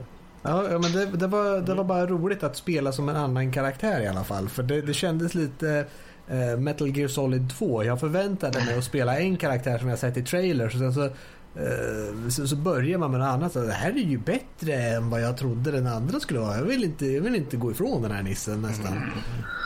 Man Ja. kommer till en punkt där man, där man vill det. Men jag tror Ja, att jo, jag antog att det skulle vara så efter... eh, Och han kan man ju, där som du snackade om just med röstskådespeleri tycker jag han som gör Hatham eh, Kenway är ju väldigt bra. Ja, men det var just det jag är reagerade på. Att jag, jag tyckte väldigt mycket om hans personlighet. Så här små saker men när du... Attention to detail i början var... Jag gillade början innan man nästan blev frisläppt eh, för att inte springa ut i världen. Som du börjar på ett litet opera house om man säger Ja, och du bara ska sätta dig och tala med någon. Och liksom, man bara går förbi folk som sitter och tittar på den och liksom, excuse me, a thousand pardons. så det är så här, så jag brukar skämta och tycker det är jätteroligt när de säger of course my good son. Ja. så det, det tyckte jag, det resonerade jag med. Den var, han var jättebra där. Så, Ja, jag tycker om det här momentet. Då faller ju också in lite med att man tyckte det var roligt att hoppa eh, ut och in ur en höstack så är det lika roligt att bara plötsligt springa upp för väggen och börja klättra inför, eller ovanför typ 200 pers. Mm. Det tyckte jag också var ganska roligt. ja, det är ingen som ser mig. Nej, okej, okej. jag, tyck, jag tyckte det var så här. Alltså det är ju typ vad, fem minuter in i spelet nästan. Ja nej, Ja. det är inte det är lite längre. Men, men det är så här. Det är precis i början, första game man gör Mm. i, i det förflutna liksom. Och man, det första man gör, ja, nej, ja, ja, vi ska gå på opera. Okej, ja, det lå- låter jätteroligt. Ja, nej, men du ska ut och du ska ta dig upp till den där balkongen på andra sidan. Så du går och klättrar upp och så ska du klättra runt hela stället. Men är det ingen som ser, är alla så intresserade av operan att de inte tittar upp för fem Och det är så öre, intressant också för de visar de, man får höra operan och den är ju Ja. väldigt tråkig. Så jag, Ja, Men jag det var faktiskt hängde med och tittade ett tag där. Liksom, man hängde långt uppe på någon läktare så vän försökte se liksom, vad kan jag se? Vad, vad handlar den här operan om egentligen? Det är en bra utsikt härifrån. Så själva grejen är det att jag kan förstå att kanske de som sitter längst ner, liksom de i mitten, att de inte tittar upp och kollar vad som händer vid balkongerna liksom. Men de som sitter på balkongerna på motsatta sidan då? Borde inte de se? Man bara vinka och säga här är del av föreställningen. Ja, okej. Ja, jo, men det, jag tyckte det var... Jag tog inte spelet på jättestort allvar med tanke på att jag inte har jättemycket känslor investerade i Storm. Med tanke på att jag har hoppat in och ut lite och det var lite, lite småroligt här och där. Jag har inte, det är inte någon av mina favoritserier men ändå det är en stor franchise och man måste ha respekt för den. Den måste vara populär av någon anledning och man ser varför den är bra. Så att, eh, jag har inte spelat det på väldigt länge så eh, gick in och var där, men det här var intressant. Det var ett tag sedan jag spelade här så man behöver ett par långa pauser och så kommer man in och det är lite intressant. Så att eh, mm tog mig lite mer än vad jag hade tänkt. Jag kände så här, ah, Assassin's Creed är väl inte så... Ah, ah. Ungefär så. Ah. Men det var bror, jag blev lite, blev lite vänd på den då. Så, ja, men det här var intressant. Jag fick viljan att spela lite mer men ja, har varit med en, eh, en och en halv timme eller något sånt här och börjar känna att det börjar tappa lite redan. Så att. Då så. Ja, men eh, det, det, jag kan ändå rekommendera spelet. Det är inte jättedyrt. Det är inte typ Ubisoft rea på 75% på Steam nu också. Det är ju faktiskt det. Så, och, ja. och på Xbox också. Jag tror den kostar, trean kostar var under 50 spänn Ja, men just nu. Det finns ingen ursäkt nu att inte köpa spelet. ja. Eh, Rob, låt oss höra dina tankar om spelet. Ja, är det jag nu? Okej. Ja, okej. Fram med listan. Alla tar och lutar sig tillbaka. Alltså, Vad finns det att säga som inte har sagts? Ja, nej, vad ska, var ska jag börja någonstans? Jo, nej men alltså, jag, som, jag har ju spelat alla spelen eh, förutom Unity då. Eh, tror jag, det senaste spelet som kom då har jag spelat. Eh, och innan, innan trean kom så var jag ett stort fan. Jag har spelat alla de andra uh, Ezio och sådär. Jag gillade det verkligen. Och det, jag kände det när, när, jag började spe, när jag spelade trean. Det var en sak, jag gillar inte riktigt Connor. Han är inte direkt min favoritkaraktär direkt. Alltså det är inget fel på hans karaktär känner jag inte, men det är det att han är inte lika intressant som Ezio. Är han inte. Och han har inte lika coola grejer heller som Ezio. Ezio hade ju så här en miljon olika gadgets som Leonardo, Leonardo da Vinci hade fixat till åt honom. Och det var ju jättecoolt. Och hans story var liksom, åh det är en revenge story. Okej, ja men Connors story är också en revenge story. Men det känns som att Connors story slutar aldrig vara en revenge story medan Ezio, han går ju vidare och är andra grejer också. Han bara, ah, nej men ja okej, okay, min, min revenge story, ja okej, okay, ja det var väl någonting men det är mer än det nu. Mm. Och medan Connor, han, hela hans mission är liksom, okej okay, jag ska döda min farsa typ. Det, det, det är det det går ut på nästan. Mm. Tycker jag. Just med att man eh, för, föredrar Ezio, det ligger lite, man, man har ju varit med Ezio lite mer plus att han blev lite bättre karaktäriserad i tvåan också när man han introducerades för man fick vara med från att han var liksom en, en snorunge eh, i början av tvåan och, och bara så växte han upp lite grann. Han fick reda på att hans, hans familj de var eh, lönnmördare och allt det här. Så jag tror att eh, och som att säga att han, han gick vidare från hans hem vilja få hem då. Nej, jag tror att de, man har fått lite mer tid med så helt enkelt att utveckla karaktären. Jo, men jag vet att jag, jag, vet, jag tyckte ju om Ezio redan från, alltså i början av tvåan så tyckte jag, vad är det här för skitunge? uh, ge, ge mig allt här igen. Det. Men ja. under andra halvan av tvåan så växte han på mig. Jag kände att okej, okay, men nu, jag börjar förstå den här karaktären. Så jag, men, jag tycker jag gillar honom. Så här. Och sen som du säger så, så vart det ju mer i Brotherhood och Revelation såklart. Men, men jag kände redan även i, när, när tvåan var slut så kände jag, jag vill ha mer av den här karaktären.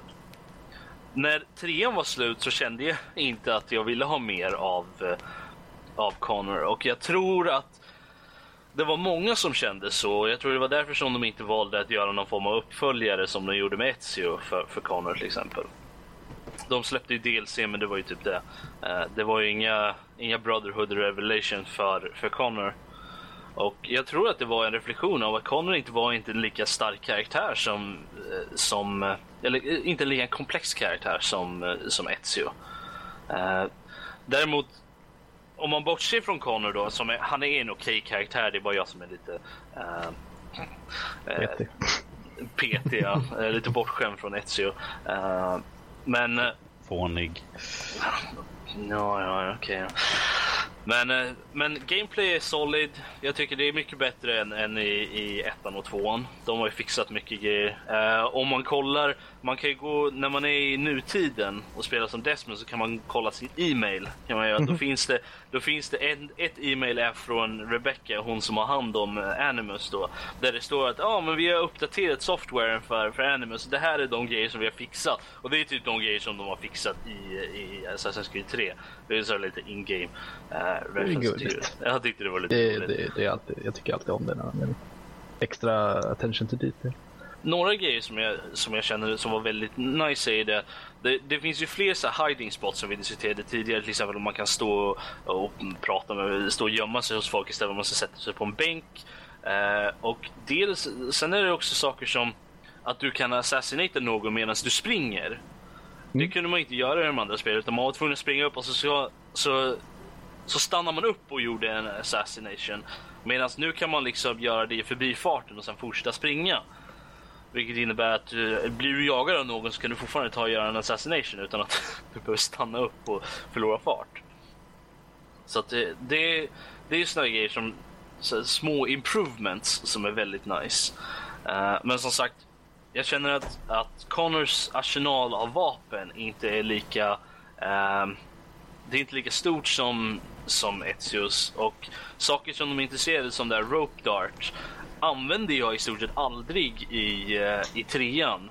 Jag tror jag nämnde det när, när jag pratade om eh, om Assassin's Creed Rogue att det var det första spelet som jag faktiskt använde Rope Dart i eh, till en stor del.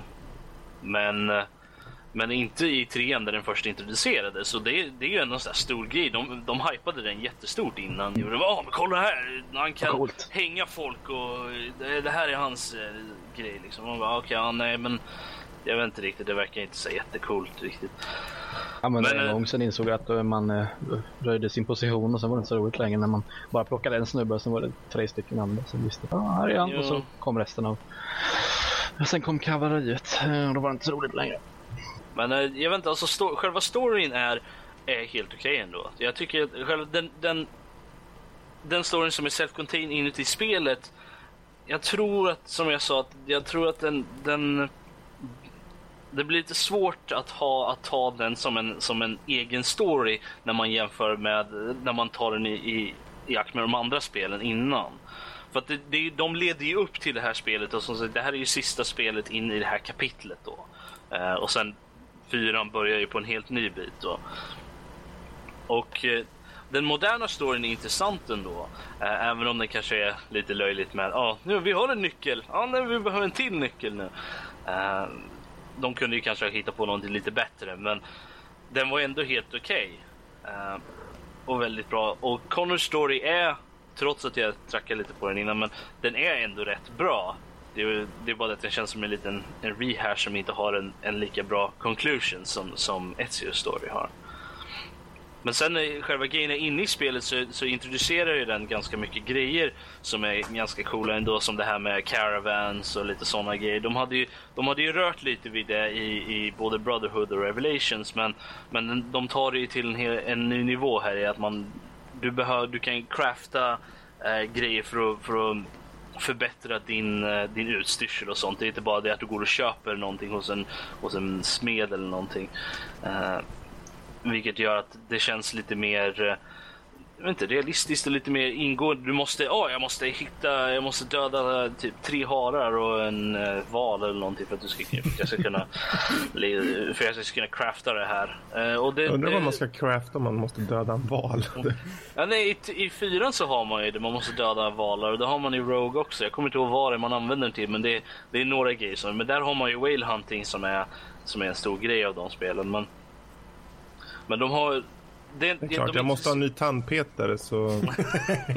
jag, måste, jag måste hugga ner ett stort träd för att ha en tandpetare. Uh, nej, men det, och sen, att, sen det här Homestead som är ens huvudbas då. Uh, det är lite så, det är som en utvecklad version av, av Monteregioni från, från tvåan där du bygger verkligen upp det. Du, du, träffar, du rekryterar folk som så här, nybyggare som kommer och, och bosätter sig där.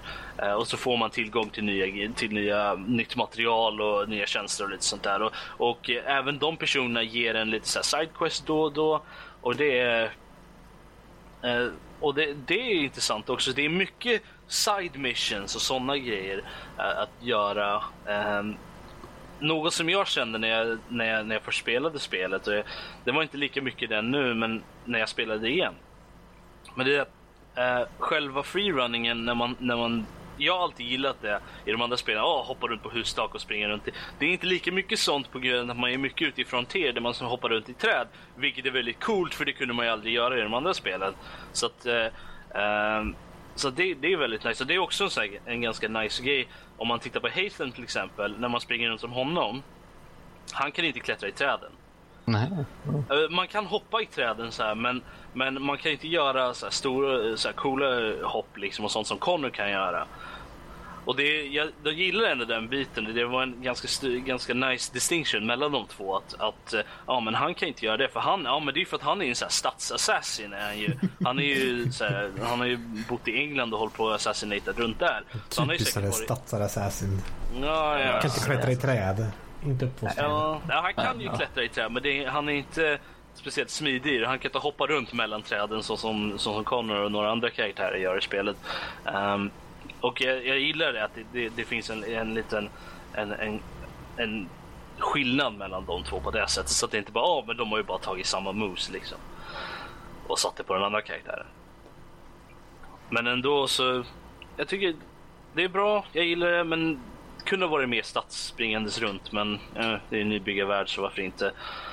Um, jag vet inte riktigt. Uh, det var någonting mer jag skulle säga, men jag kommer inte ihåg vad det var för någonting nu. Ja.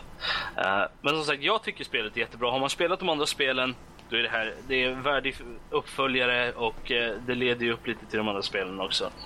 Eh, sen har man inte spelat de andra spelen så ja, alltså det är värt att titta, checka för att de har ju gjort mycket ändringar och det är en helt ny story också så försökte man plocka upp Revelations till exempel så känner man att okej okay, det det, det, fattas för mycket eftersom det är tredje delen i, i en i Ezio story. Här är det en helt ny karaktär, det bara hoppar in och förklarar mycket av det som har hänt i de andra spelen innan. Så du får ju mycket av den storyn ändå. Uh, så det är inte så... Det är inte så konstigt med det. Något som jag tyckte var väldigt nice var att man fick mer av Desmond springa runt i, och vara assassin i, i, i nutiden i alla fall. Det var Det är vissa som inte skulle hålla med dig om det. Men visst. Det, Ja, är du då, en av dem då eller? Eh, ja, alltså. Det, till en början eh, sa jag det, det spelade ju alla från första början. Och det var ju, det var ju ett intressant koncept. Det var ett nytt koncept. Det var liksom bra. Vi kan, det här finns mycket att göra här. Liksom. Det är ju mycket, mycket att utforska. Men vid någon punkt så blev det liksom att man blev utdragen ur det dåtida. Och sen så ska man hålla på och springa runt och göra saker man inte bryr sig om i nutiden. Eller i framtiden då, lite högt. Och det, ah, det blev bara tråkigt där. Speciellt eh, Ja, alltså. Jag tyckte storyn, jag ska man får väl säga det, att storyn var för bra helt enkelt i, i då, dåtiden. Liksom. Det var för intressant. Nu är man utdragen därifrån ska man bry sig om att han är helt plötsligt.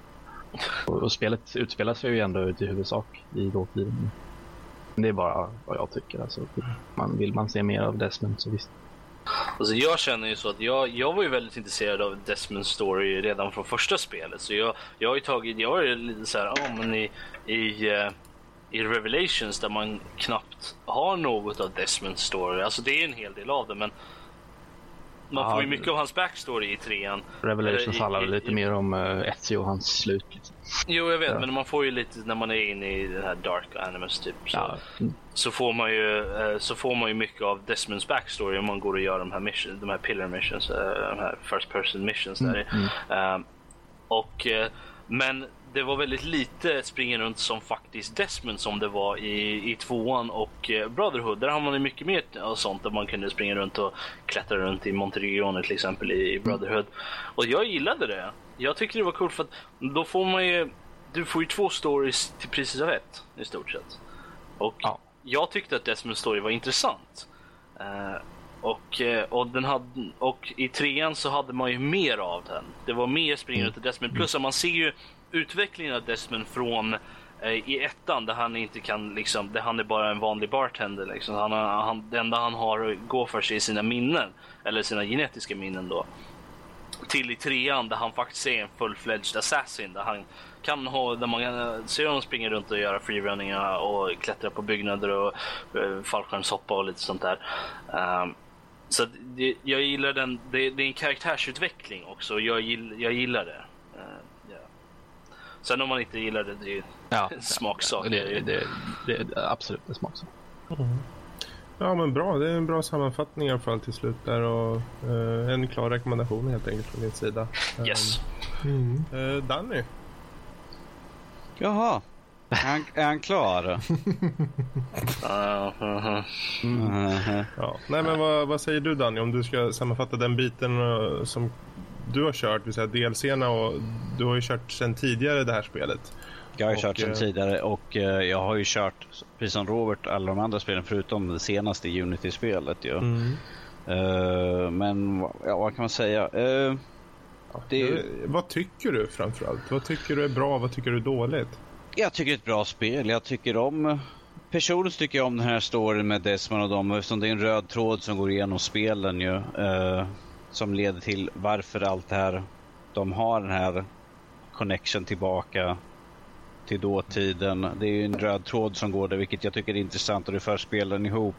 Uh, sen när jag spelar så tycker jag att uh, han är en ganska intressant karaktär. Eh, fast andra kanske tycker att han är brutal buse, Men jag tycker att han, uh, han är, det är lite hämnd och uh, lite sårad stolthet och så men jag tycker att han är en intressant karaktär. Jag tycker att spelet bygger mycket bra på det. Desmond faller ju lite grann i skymundan för min del i det här spelet då som jag tycker att då Connors eh, storyline är mycket intressantare även fast Desmonds är, alltid ligger i bakgrunden så man vet att man har ju alltid det att gå liksom och göra vid sidan av. Men att jag tycker att det är mer intressant med hans story. Sen är det historiska aspektet också tycker jag är väldigt intressant vilket de har i spelet med kända historiska karaktärer som de har vävt in på, på sitt lilla så här fuffens så här liksom det skulle kunna ha hänt i bakgrunden. Nudge, nudge, nudge. Men eh, eh, så jag tycker det, det tycker jag är väldigt intressant genom alla spel, de historiska aspekterna, även fast de är lite inkorrekta ibland på en del saker. Men, men det är en helt annan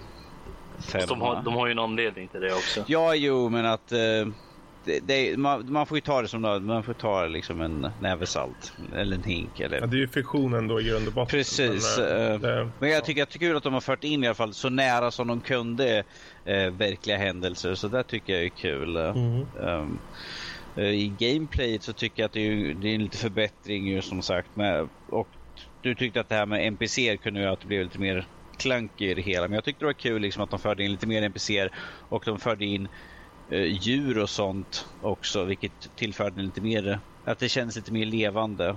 Mm, jag vet ju vad, vad, Lotta skulle ha sagt. Hon skulle ha sagt att det var gulligt. Ja, man kunde gå och klappa hundar och allt sånt där och gulla med, gulla mm. med djuren. Så... Ja, för jag gjorde ju så när det var ett par uh, vakter som stod där så tänkte jag men nu står jag och gullar med den här hunden så länge. Då märker de inte. Tyvärr så hittade de och sköt mig i alla fall. Men, uh, jag... Gulla med hunden!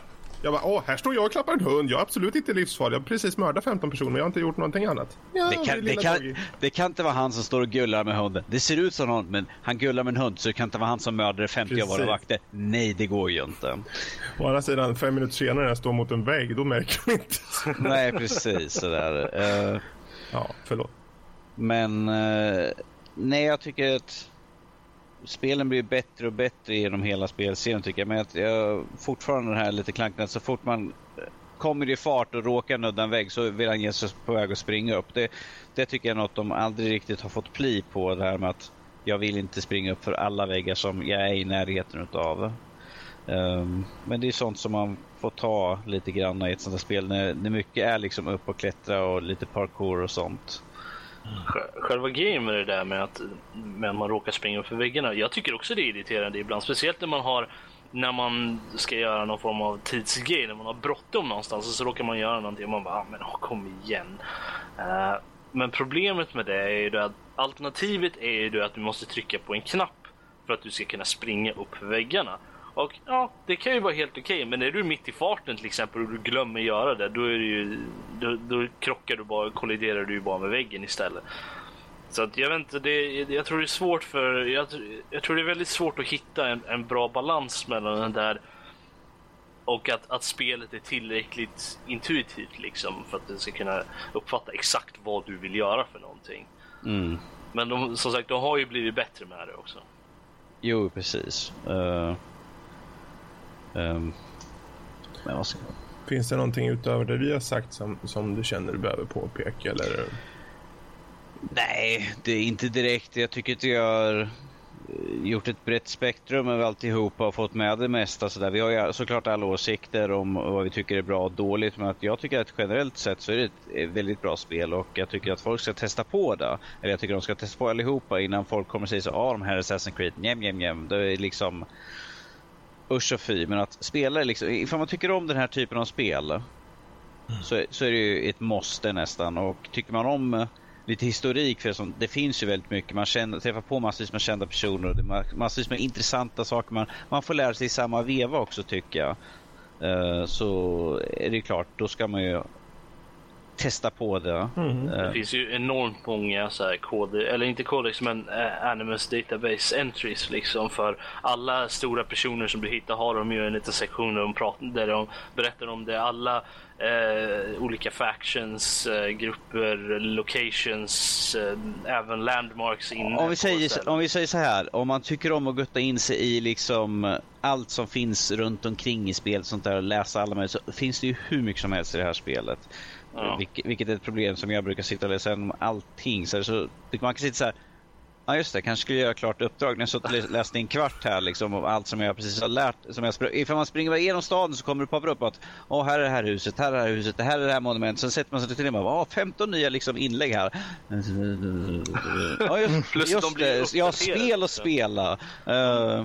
Alla entries blir uppdaterade, eller många entries blir uppdaterade också ju längre in i spelet man kommer. Uh, oftast är det ju karaktärs-entries då som när man får en till bit av, av en persons story så, så uppdateras det. Och mm. man får, kan läsa det i deras grej. Och det är ju så här, som du säger, man kan sitta i evigheter och läsa. Men som sagt, allt det, det är ju valfritt. If, har man ingen lust att läsa, vill bara spela spelet utan något sånt där, då kan man ju strunta i det. Det är som jag sagt förut när vi har pratat om Assassin's Creed. Man, det finns så mycket tidbits och sådana roliga Easter eggs. och sådär, men man, allt det är liksom, man kan strunta i. Om man inte vet av det, då kan man bara strunta i det och bara köra storylinen. Men man förlorar en del också i det tror jag. Ehm, um, är att man inte gör det för att det är liksom en del av upplevelsen på något sätt. Eh, det är inte bara ett spel, det är en upplevelse att spela, att spela de här spelen. Och man måste man immersar sig själv i, i världen och, och springer runt och gör side missions och läser entries och lite sånt där. Det, på något sätt så det- det ger mer än om man bara springer igenom och gör storyn. Jag kände det nu, när- nu, när, jag, nu när jag körde om nu så så försökte jag göra så. Nej, jag ska inte gå och göra massa collectibles och side missions och grejer. Jag ska bara köra. Men jag, fan, jag kunde inte göra det hela tiden. Jag var tvungen att, nej, jag ska göra allt det här nu. Det går inte. Jag, jag kan Det inte är ju bara jättelätt. Det är bara, ju fort de börjar bubbla, då skippar du. Och så kör du bara. nej, Precis kan- så som jag kör. Boom! Nej, jag, kan, Action! jag kan inte göra det. Jag måste, jag måste ha storyn. Liksom. Jag måste, har jag sett det förut nyligen så är det klart att jag skippar det då. För nu vill jag ju bara komma vidare till nästa bit. Men första gången jag ser det så måste jag, lä- jag måste se varje cutscene. Jag måste läsa alla grejer. Det, det, det är en sån här compulsion. Jag kan inte... Jag måste göra det. Så är det ibland. Ja, Danny. Mm. Det är en rekommendation helt enkelt då. Helt klart. eh, Ja. Ja, Max. Där har du det. Då har vi det spelet som i en liten påse. Avklarat avbockat från vår lista. Mm. Vi Vad har det med kan... påse att göra? Man lägger ju alla spel i en påse, gör inte ni det? Ja, Okej. hårddiskar. Hårddiskar. Jag, jag, jag, jag har en säck som jag, som jag slänger i ån sen. Mm. Har man lite mer så kan man ta säck om man kommer upp i den nivån. Ja, du får träna hårt. Mm, ja, jo, jo, jo. Jag köper så många spel jag kan. Men eh, vi kan ta och nämna, jag tror att det var ju en eh, rekommendation eller halvrekommendation i alla fall för nästan allihopa. Det beror på lite så här, mm, spelat serien så är det nog definitivt en rekommendation annars så ja det kan ju vara ett spel som kan vara värt att uppleva i alla fall. Ja, särskilt nu när det är billigt också. Precis, precis. För det priset så kan det nog vara lite eh, skoj. Men nästa veckans kan ju, spel. Kan ju bara Nej! Jag ville bara... Jag ville Tyst bara nu. Tyst. Max.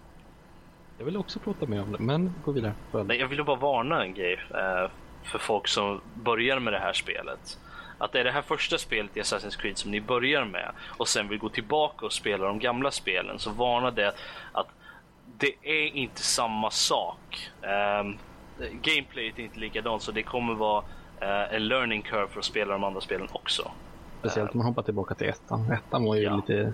Um, ja, nej. Det var... Ja, det jag, vill, jag ville bara varna det. Ja, Max. ja. Nästa veckans spel. Shadowrun Returns Dragonfall. Oj, oj, oj. Mhm, mhm. Ja, jag vet inte om ni har spelat några av de spelen? Shadowrun Returns. Det finns ju två stycken nämligen. Mm. Googla lite snabbt nu så jag vet vad... Nej, jag vet på ett ungefär vart det är, men det... Nej, jag har ingen. Det ska bli ja, kul. Ja, nej, jag har nämligen kört eh, eh, Shadowrun Returns som kom ut på Steam för ett tag och det var då Dead Man's Trigger tror jag den storyn hette och nu har de då mm, senare släppt eh, Shadowrun Returns Dragonfall vilket är då en annan story och jag föredrar den storyn lite så att när vi valde mellan de två så eh, blev det den här. Mm. Men eh, ja, nästa veckans spel som sagt. Jag tror det går att få billigt på Steam. Lite Ja. cyberpunk, RPG, gam, väldigt gammalt, isometriskt. eh, Fast nytt. Eh, Director's Cut kostar 15 euro på Steam. Se där, se där. Där har man lite. Det, det är det värt. Det är som sagt, man får tänka på att det är ingen röstskådespelare utan det är text. Men det är mycket bra val i det hela. Det, ja, man kan ta sig igenom uppdrag på väldigt många olika sätt och det är mycket olika olika klasser och sånt där. Så det, Ingen röstskådespelare? Var det här stenåldern eller? Nej, ett litet team kallas det. Budget. Men eh, ja, vi hoppar till eh, nästa segment i vår lilla små trevliga podcast här som är veckans diskussion och jag tror att vi hade fått ett litet eh, lyssnarmail som Ja. eh, hade en liten rolig fråga vi tänkte vi skulle ta och så diskutera här i gänget. Jesus. Ja, det... ja, vi har fått lyssna mejl. Jag kommer gå tillbaka till när vi kommer till lyssna mejlsektionen sen vem och, eh, och eventuella andra frågan har då. Men eh, frågan i kort är just angående konsol versus PC då. Är gränsen mellan konsol och PC allt mer utsuddad? Eh, är det liksom att eh, vi har en konsolgeneration nu som eh, helt enkelt ligger jämsides PC och kommer det faktiskt vara så att den här generationen eh, rent utseendemässigt faktiskt kommer hålla betydligt längre än eventuella andra eh, eller fram, eh, tidigare generationer. Eh, och framförallt är vi duktiga nog att faktiskt se skillnader på den generation som är nu. Eh, PC versus konsol. Eh, jag vet inte, hur, hur tycker ni? Är det så att det är väldigt stor skillnad eh, fortfarande eller är det så att det finns? Eh, Det är väl en liten skillnad just nu egentligen. Men den är ju så att när det kommer ut nya konsoler då kommer konsolerna ikapp lite på PCn. Och sen drar väl PCn iväg sen när det kommer ut på ny hårdvara. Den går ju som sagt att uppdatera på hårdvaran. Det gör ju oftast inte konsoler men just nu så känns arkitekturen liknar ju mer en PC så att eh, ja, eh, inte så svårt. Tror du att den här kommer hålla längre dock än, än eh, exempelvis PS3 och Xbox 360? Det vet man ju inte. Det, det är som sagt svårt att säga. Det, det har ju, ja. Microsoft och Sony har ju gått ut och säger med att de vill ju att de ska hålla ungefär lika länge som 360 och PS3 gjorde.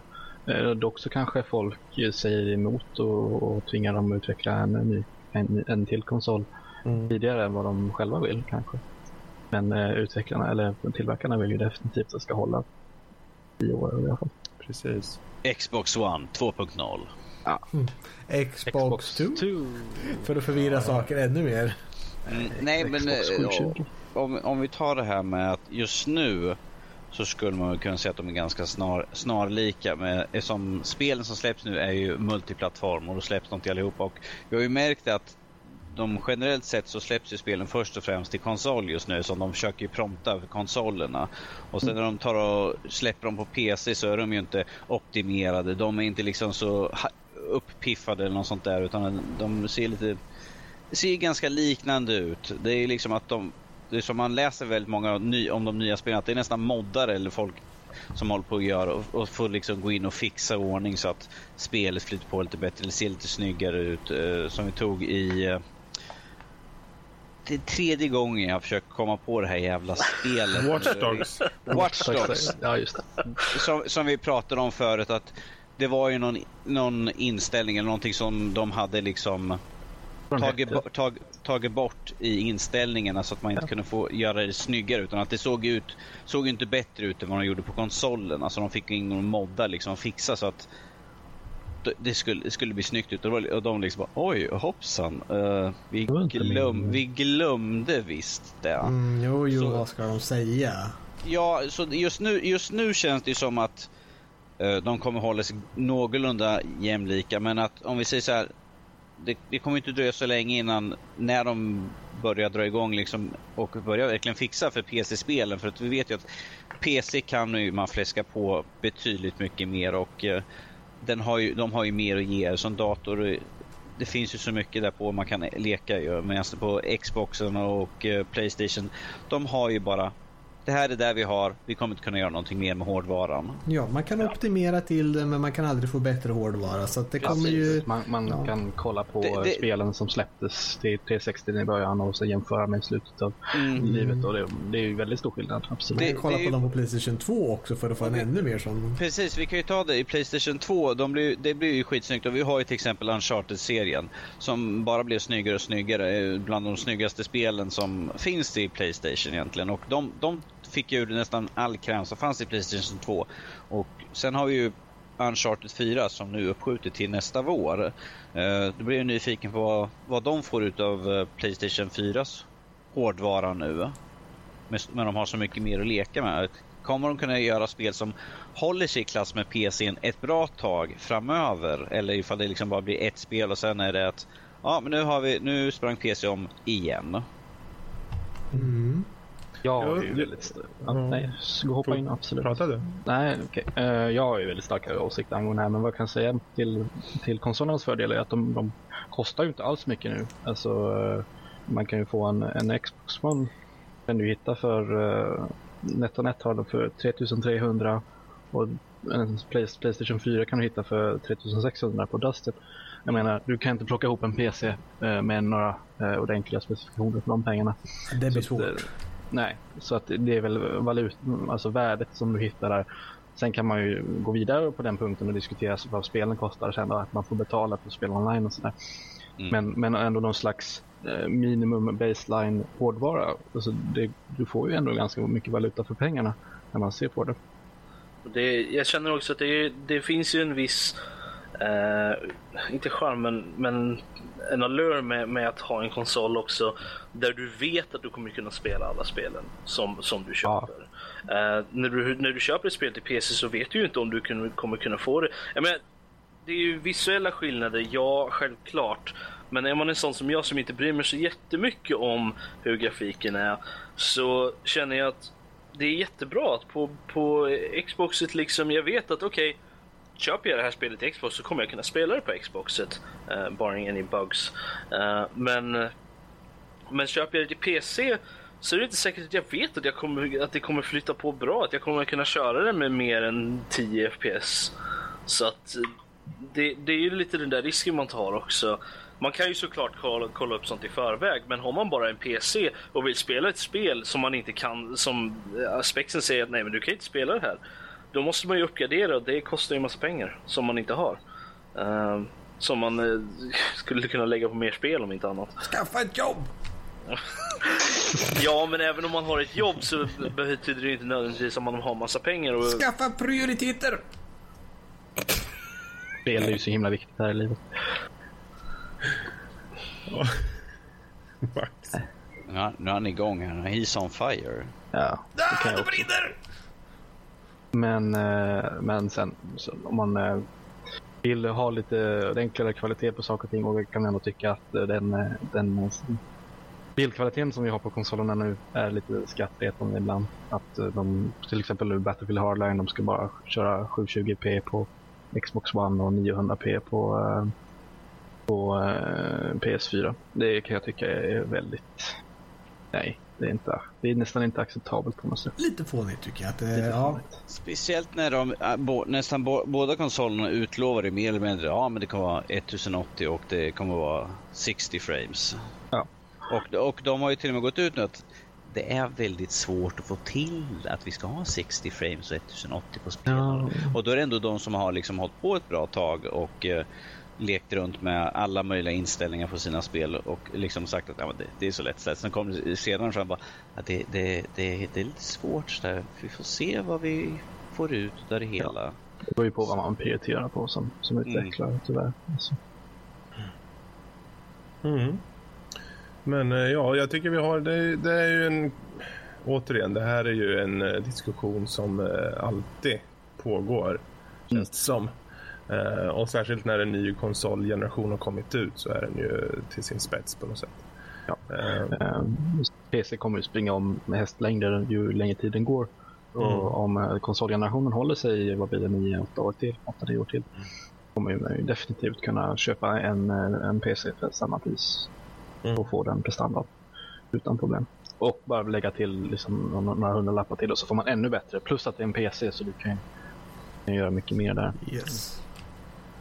Ja, bra. Men där äh, sätter vi väl punkt på diskussionen i alla fall. Då. Mm, det var veckans diskussion.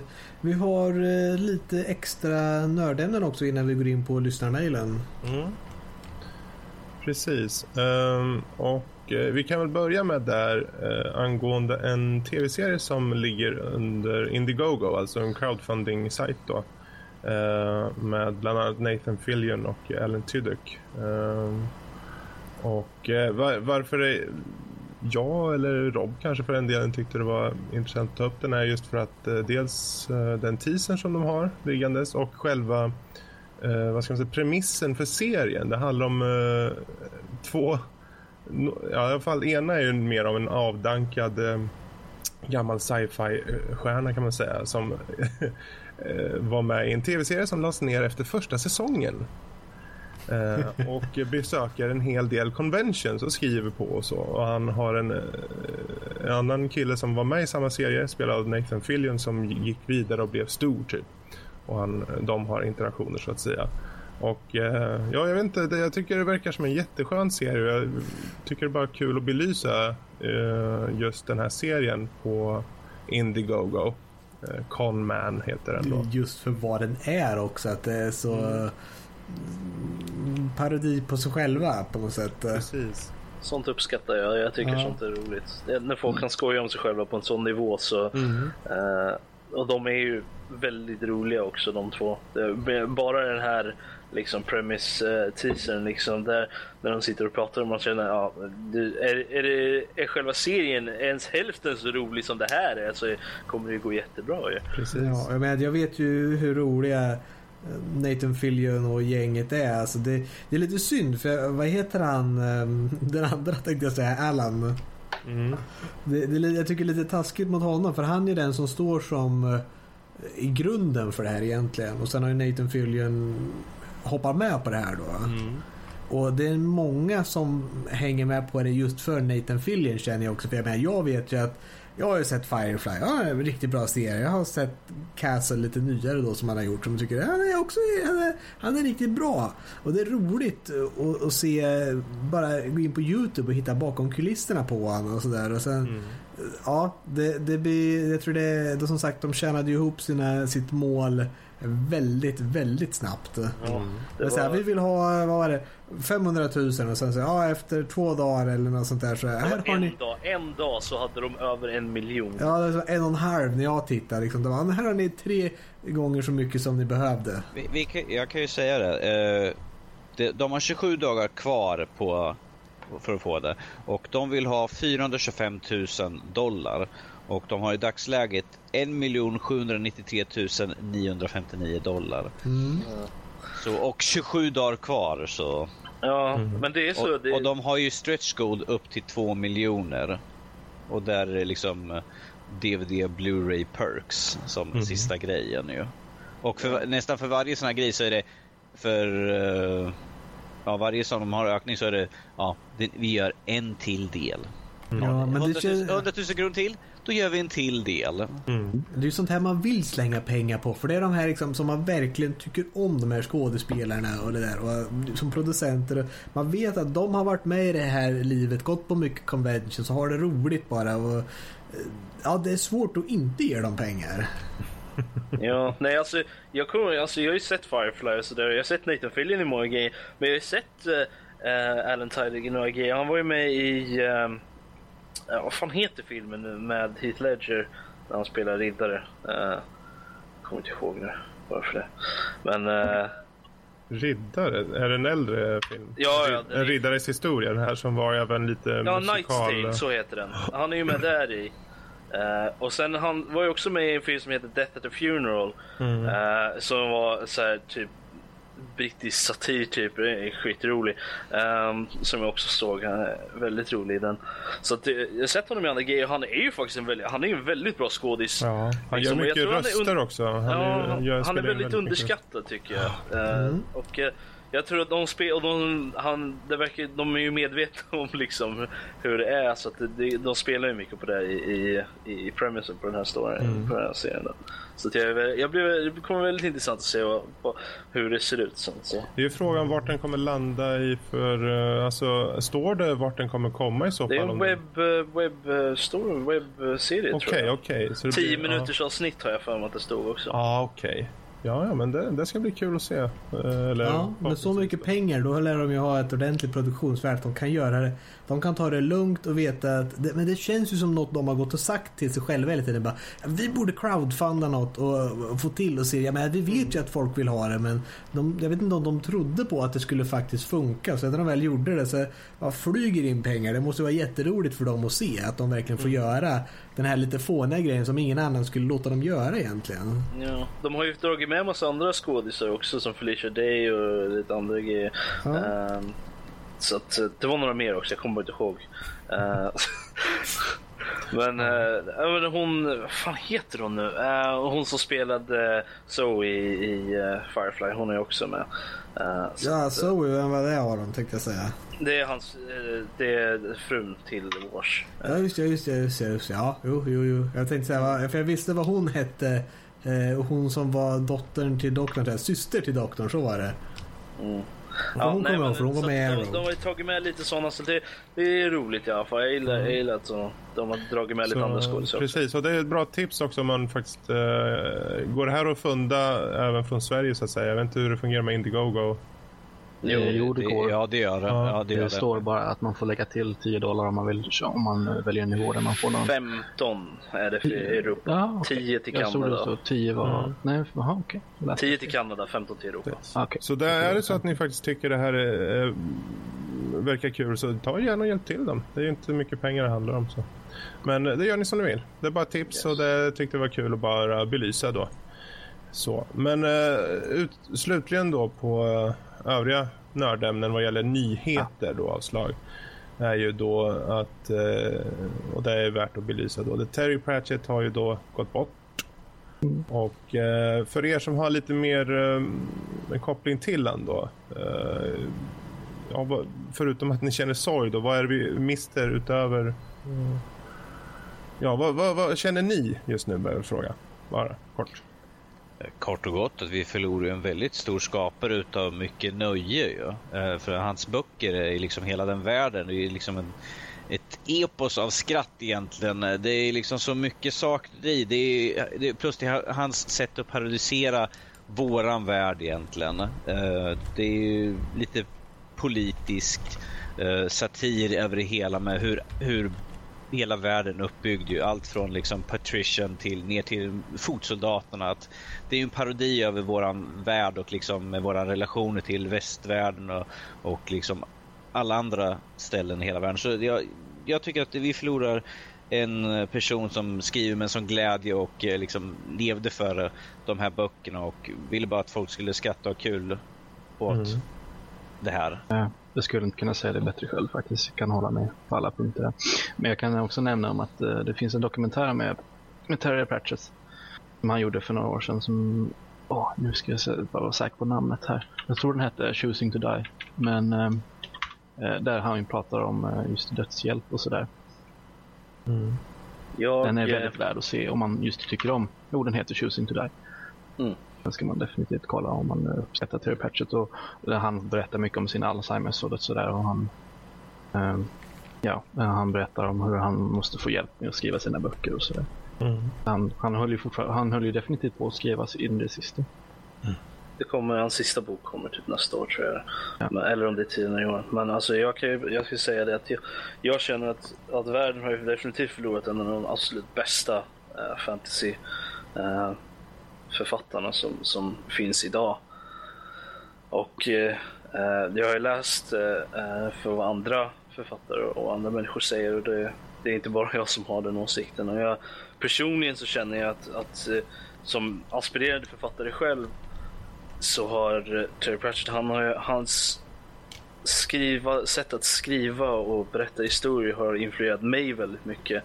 Eh, och jag känner mig väldigt det, det känns som det är en stor förlust. Eh, även personligen för mig.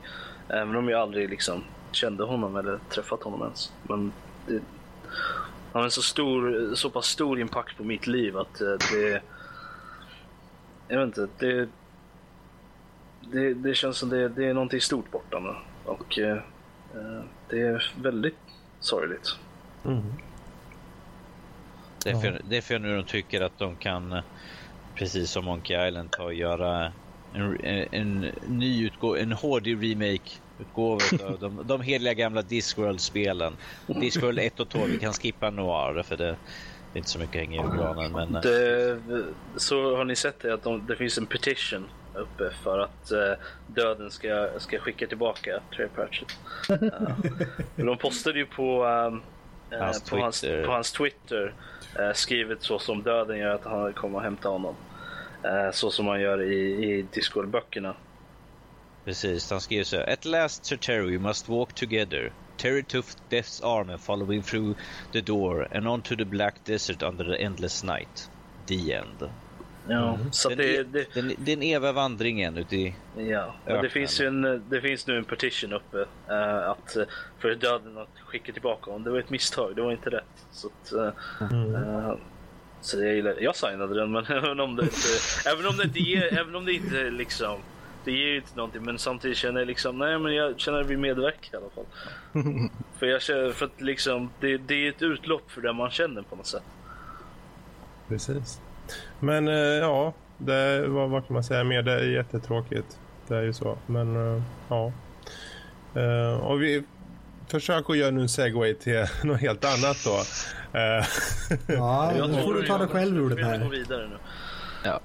Från det deprimerande till det lite mer. ja. Ja. Eh, Det är lite mer vi ta- deprimerande. Ja, vi tänkte ta och snacka lite kort om eh, en film som jag har sett som heter Big Hero 6. Och ja, vem vill börja snacka? De som har sett den, för jag kan. Ja. Jag, Ja, nej, jag Men av dig Danny eller Rob eller? Jag kör ni eh, kan. Rob, du kan ju börja. Som du, Ska jag börja? du, du är yngst utav oss. Så. Just det, vi börjar i den ordningen. Ungdom, ungdomen först. Ja. Ah, okej då. Du vet, vi måste ta tid att få i saliv i munnen så, här, så vi kan prata ordentligt. Ah, okej. ja. Mm, Stoppa in tänderna och allting också. Mm. Okej, okay, alltså...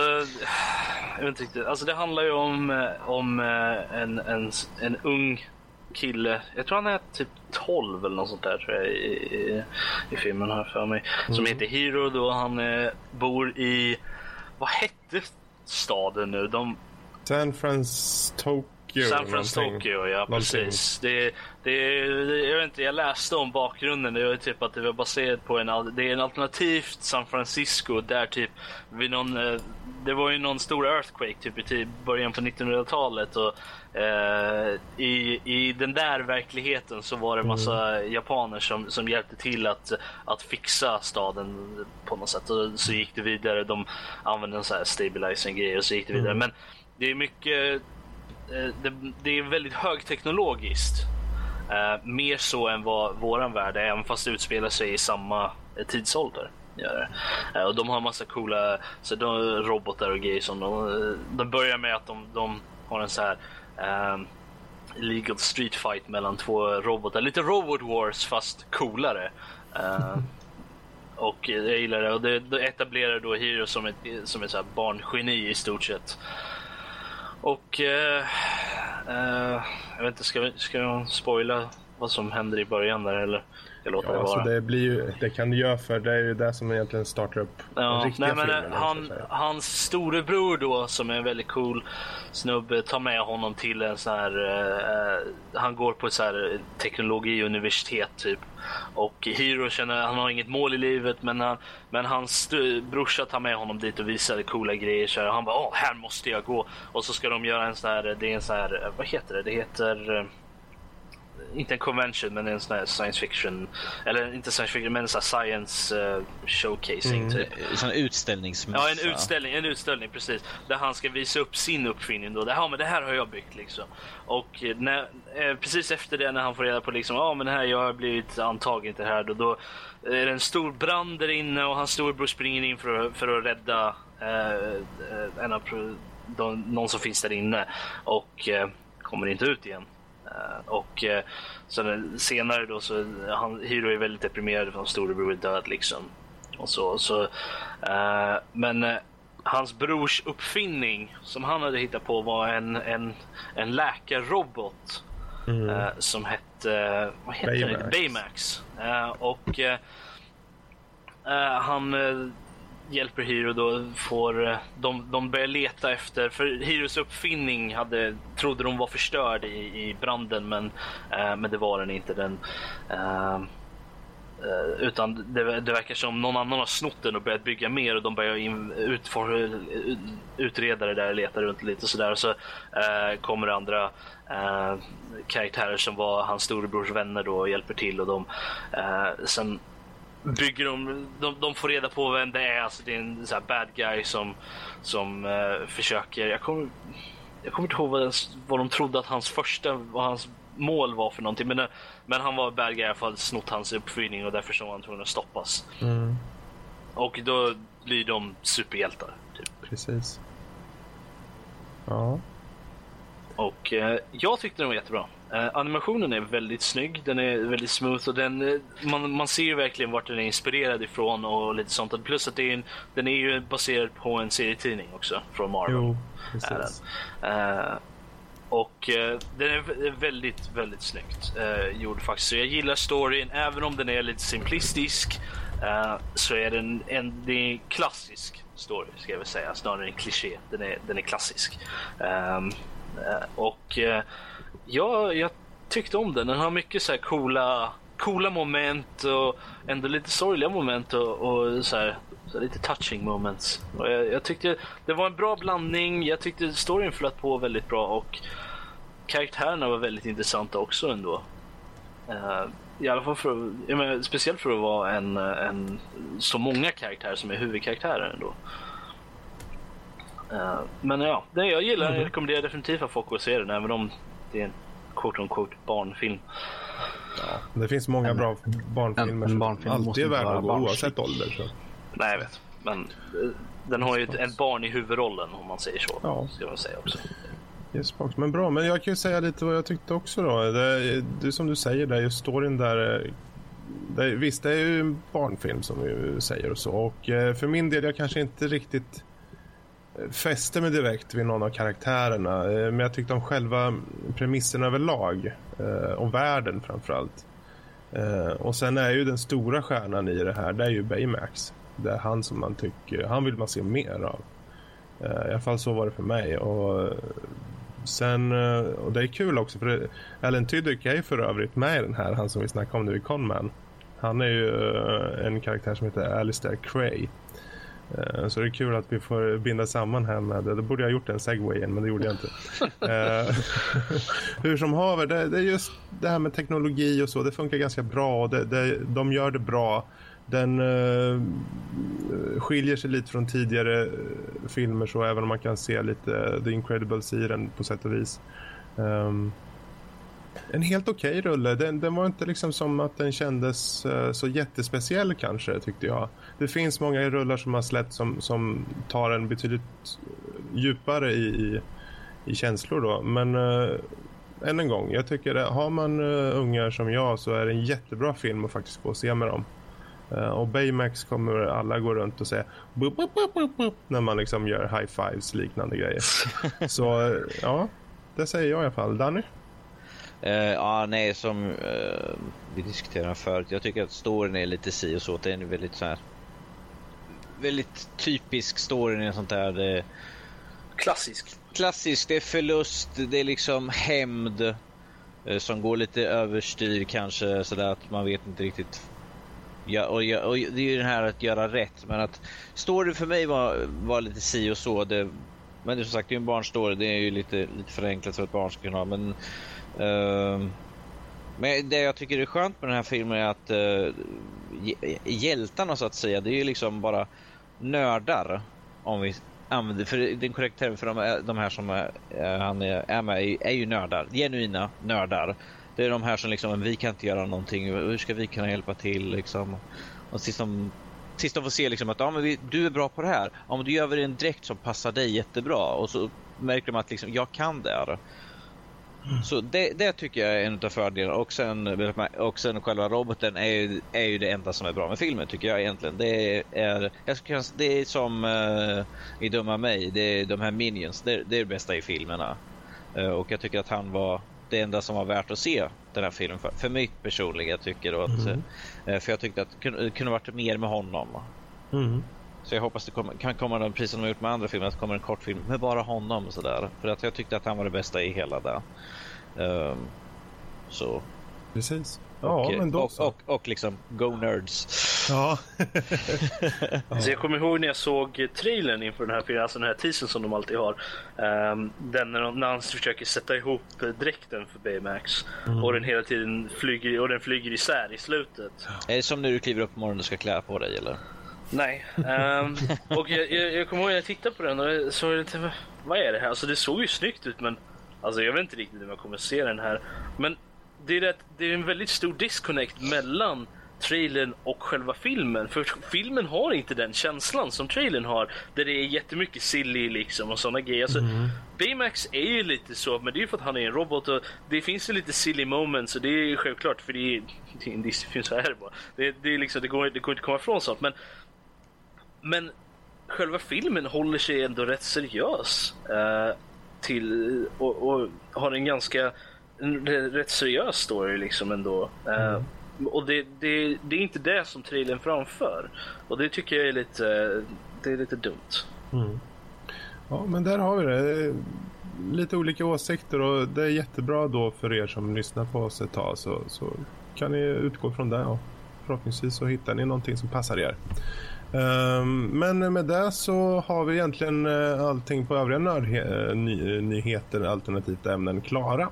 Så Max? Så där. Jag väntade bara på att ni skulle bli färdiga. Vi eh, går raskt vidare till vårt nästa stopp som är lyssnarmail.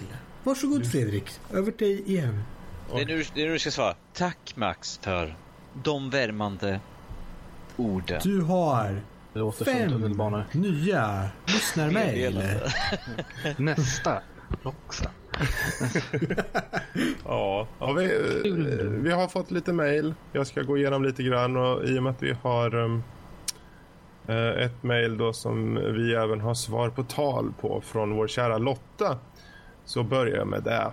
Eh, och det är ju lämpligt nog också samma person som eh, frågade angående hur vi tänkte angående just fördelar kontra nackdelar på PC versus konsol. Det vill säga det som vi tog upp i veckans diskussion då. Eh, för han hade ju sett då ett, ett klipp på Youtube där de gjorde en eh, comparison mellan PC4, PS4, PC och eh, Xbox One då. Och utifrån den så kom den här lilla diskussionen upp. Men han skriver i alla fall då utöver det Uh, att uh, han har hört oss snacka om Overwatch. Och uh, visst det är Blizzard då. Men av allt han sett då så är det till utseendet och känslan bara ytterligare ett FPS. Uh, vad skiljer det verkligen ur mängden av FPS som sköljs över oss? För han skriver så, ärligt talat, jag vill ha en total genomgång av skillnaden så vi, som vi idag vet kontra inom situationstecken vanligt FPS.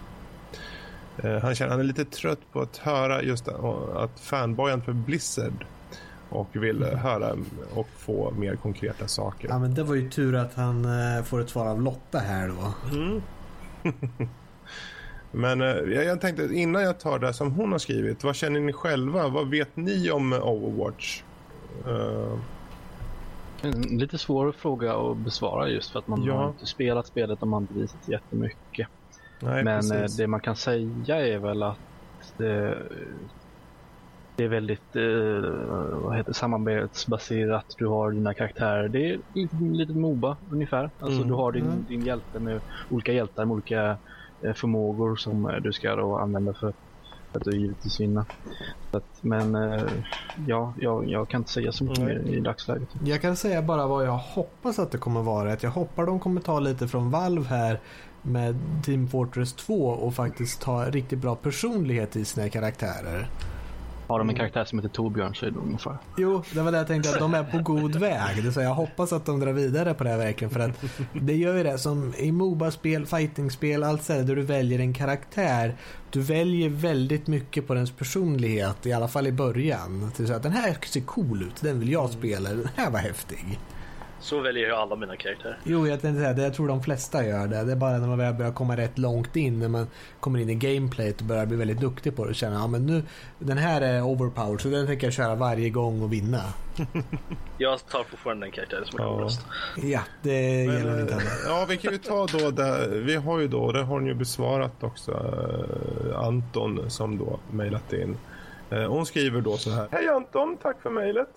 Eh, Jag känner att jag är rätt skyldig till fanboyandet för Blizzard. Så här kommer då eh, mina två cent om Overwatch. Eh, Overwatch är ju som du säger ett, ännu ett FPS. Du har ett antal spelare i varje lag som alla fyller en av fyra roller. Offense, defense, tank och sport. Då, som har det. För varje runda kommer du ha ett av två olika objectives. Payload eller point capture. Eh, Team Fortress men 2. Vad sa du? Team Fortress 2. Ja. Eh, men det finns de detaljer som skiljer Overwatch från de FPS jag sett, spelat, hört talas om. En sak är hur Blizzard återigen satsar på att streamlina en genre så att den blir mer nybörjarvänlig. Eh, man har versatility så att säga i en la, lång rad av olika hjältar, alla med unika förmågor. Eh, men det ser ut som man inte har jättemycket armbågsutrymme för att modifiera sin hjälte. Eh, vilket för en nybörjare inom genren då, som till exempel för Lotta då betyder större chanser att göra horribelt dåliga beslut. Eh, Så även mångfalden och uppfin- uppfinningsrikedomen i de olika förmågorna är enligt då Lotta ovanligt stor med allt från fällor, studsande pilar, teleport, olika former av sköldar, flygförmåga, healing med mera. Till, eh, ja, även till rocket launchers och snipergevär som vanligt då. Eh, och här eh, vill hon då observera att hon har inte spelat betan och därför eh, har hon inte känt på spelet om det då lever upp till förväntningarna. Men hon tror då att det kan bli ett snyggt spel som är bra för nybörjare. Och det gör henne då väldigt nyfiken. Dessutom är det ju alltid spännande att se resultatet när en studio som gjort väldigt mycket annat plötsligt byter genre. Så eh, ha, där har du det i alla fall från hennes sida. Kan, Ehm, kan det spelet locka Lotta ifrån WoW? ja. Kan jag, kan jag säga det bara? Ja. Det? Alltså jag, jag har bara sett eh, trailers, eh, den första eh, launch eller den här eh, som de gjorde när de showcaseade karaktären och hade den här lilla introfilmen och lite där. Och, eh, Pixar-filmen. Ja, det var det jag satt och tänkte på det nu. Så här, alltså egentligen stilen på den och faktiskt Big Hero 6 är ganska liknande faktiskt ändå. Så att, eh, De ja, har lite Pixar-känsla i det. Cross- Ja, de har ju det. Men eh, jag skulle säga det, jag har ju aldrig, jag har inte direkt varit så jätteintresserad av såna här typer av spel. Eh, egentligen. Men det, så bara själva stilen på den där och att karaktärerna verkar ha lite så här personlighet ändå som ni säger. Så, eh, så är jag faktiskt väldigt intresserad av att spela det. Ja, för min del, jag som har kört en hel del Team Fortress och eh, försökt mig på genren. Eh, utifrån genren i sig, inte särskilt intresserad alls faktiskt. Det är en genre som känns ganska tråkig överlag. Eh, och jag kommer nog inte, jag kommer snegla på den mest för att det är Blizzard och jag är nyfiken. Eh, men annars kommer jag nog inte ens ta itu med den. Om den inte är gratis då förstås. Eh, men eh, I, mitt fall har- så, ja. I mitt fall så är det med att det lockas trots att det är Blizzard. Eh, Men där har vi i alla fall hennes svar då till Anton. Och Det är jättebra med Anton att du skickar in och frågar så här. Det är kul alltid att ge lite svar på tal och dels framförallt eh, poängtera eh, att det kanske inte är så mycket. Det, visst, det, det, det finns alltid någon form av fanboyism hos oss alla. Och eh, sen att Lotta kanske har lite mer brister, det, ja, det må det vara så. Kanske.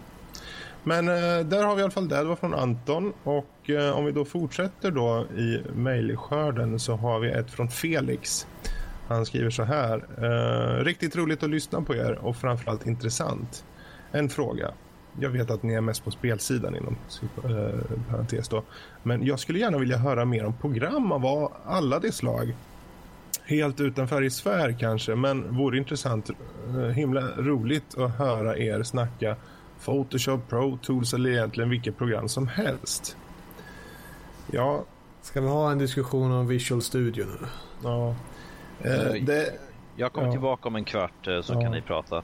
Nu Nej, förstår jag- du den jag kan viktigaste grejen. Ja. ja, jag kan bara säga så här. Det, det är kul att du eh, åtminstone frågar, men jag tror inte att vi kommer gå in på det. här. Det måste vara något extraordinärt program som, som eh, är någonting relaterat mot spelutveckling kanske då. Annars så vet jag inte om vi kommer ta upp det. Men än en gång, bra att du frågar i alla fall. Vi kan diskutera lite Dreamweaver här kan vi göra. Yay! Dessutom fortsätter han då, om vi ska hoppa in på ämnet spel igen. Uh, eh, och det här är lite kul då, uh, angående att Kalle är med nu.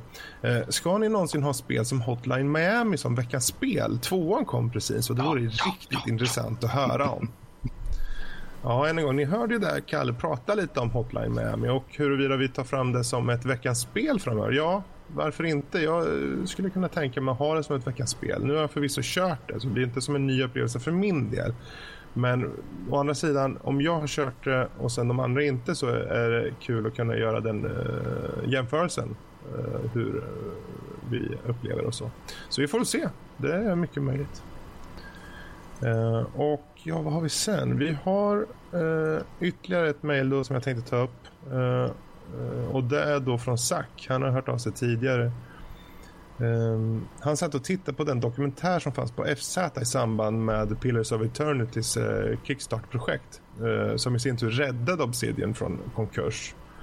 Uh, och då skriver han en så pass stor utvecklarhistoria som varit nära att dö ut? Frågetecken. I och med att det står att Lotta och Max jobbat snedstreck läst till spelutvecklare så skulle jag eller han då vilja veta mer om hur pass stort är trycket på studios från förläggare och hur påverkas de som arbetar under det här? Um, för många av oss ser till exempel Mojang Studio och uh, det kanske inte är det bästa att jämföra med då men han skulle vilja höra just eh, betydligt mer kring arbetet om att skapa ett spel. Ja, egentligen på den fronten kan jag säga det, så inte får några helt grandiosa planer om vilka exalterade personer vi är tänkte jag säga. Eh, vi kan ju bara tala från indiesidan. Vi gjorde ju spel som vårt examensprojekt i våran utbildning där på samma stycke. Jag tror vi var fyra, fem stycken i teamet där. Eh, Lotta fortsatte jobba på det spelet medan jag eh, sökte andra vägar till programmering på jobb mot industri och sånt för att Eh, man vill jobba med spelutveckling men det är svårt. Du måste vara jätteduktig eh, och förvänta dig en lite mindre lön för det arbetet som du ganska får mycket för i andra, andra fall. Så att jag, för min del kände jag att jag går iväg och jobbar lite, får upp ett kapital. Sen kanske går den här indievägen och känner att ja, men jag kan ta tre års paus från att jobba och sätta mig och fokusera på mitt spel i min takt. Men eh, annars är det ju att gå till de stora studierna som DICE eller sånt och det är ju flytta till Stockholm som gäller och liknande. Jag menar, vi har talat med dem från Stockholm, varit på så här lite större eh, konferenser, Swedish Game Award nämligen då, och fick tala med folk från DICE och Avalanche och skaparna från Arrow, skaparna av Magica Arrowhead där och eh, riktigt roliga personer och man ser liksom deras story hur de lite gick samma väg där nästan från universitetet, gör en grej och det slår och många överger examensarbeten för att det här är deras chans att faktiskt komma ut. Så att det, mm. det är lite tur också för att det finns väldigt mycket indieutvecklare nu och den här hypen har börjat tappa lite. Att det mm. kommer mm. ett liten grej lite här och där men ja just från tryck från förläggare och sånt tror jag inte vi kan, vi kan spekulera lite med tanke på att vi vet hur det är att jobba med spel. Men jag kan inte säga att någon av oss har jobbat på något spelföretag. Nej, precis. Jag kan säga det, jag utbildar mig, jag går ju på eh, pluggar ju datateknik på KTH. Jag planerar inte att jobba med spel i framtiden just för att, som du nämnde innan, är att man, det är ett ganska, som jag har förstått, ett ganska tacklöst arbete. Liksom. Du mm. får jobba hårt, du måste vara väldigt duktig på alla sätt och vis. Liksom. Det är ingenting som jag ser att jag kommer, förutom då på indiesidan, kanske, kanske mm. meka lite i, med projekt, i projekt och i skolan. Och Precis. Det är lite roliga grejer man gör men det är ingenting. Man vill ju ha det som sitt fulltidsarbete men det är ett jobb fortfarande och det är ett litet...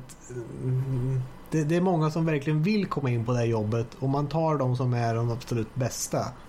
Så att är man inte väldigt duktig och kan tänka sig att jobba för lite mindre och lite hårdare och lite mer då visst men det, man får förvänta sig att det är lite uppförsbacke. Precis. Eh, men där han fortsätter då just, eh, har vi tid, eller har ni tid rättare sagt då, så vore det jätteintressant att höra om något specifikt moment inom spelutveckling. Ja, oj, vad mycket och, det finns. Eh, där absolut. Vi skulle kunna ta kanske det som är veckans diskussion eller något liknande. Alternativt en, en egen del på Youtube, må hända.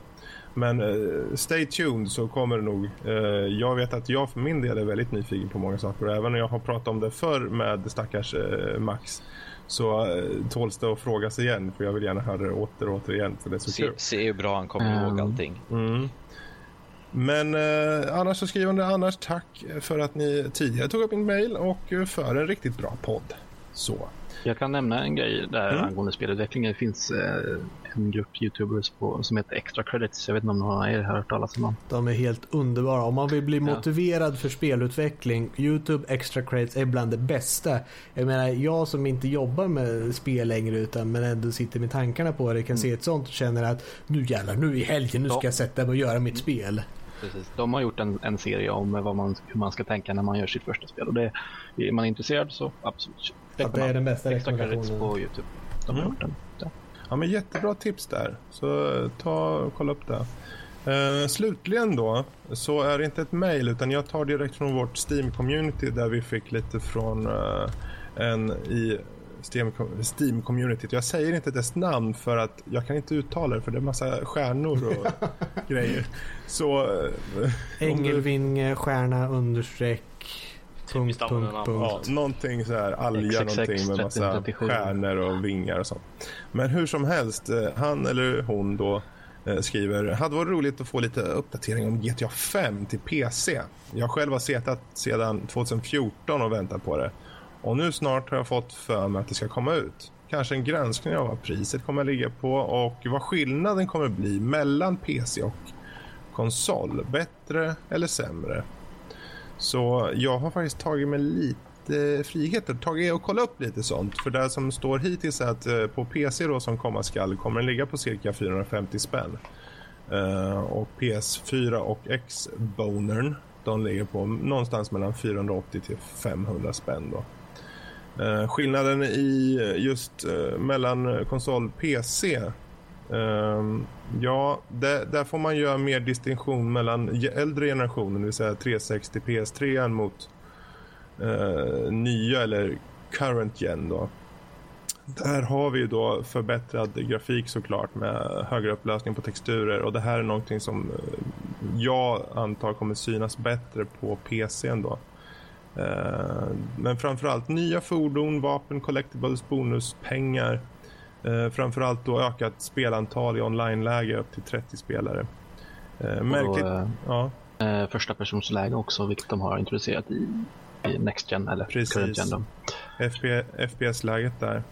Eh, De har dessutom ett så kallat fotograferingsläge där man då kan ta kort på saker och ting. Och här då om du tar kort på allting som är aplikt så kan du tjäna även en ny ap-outfit. Och det vill jag alla ha när man springer runt och dödar folk i GTA. Eller håller på Danny. Ja. Eh, Även kommer det vara klassiska fordon från tidigare GTA-spel.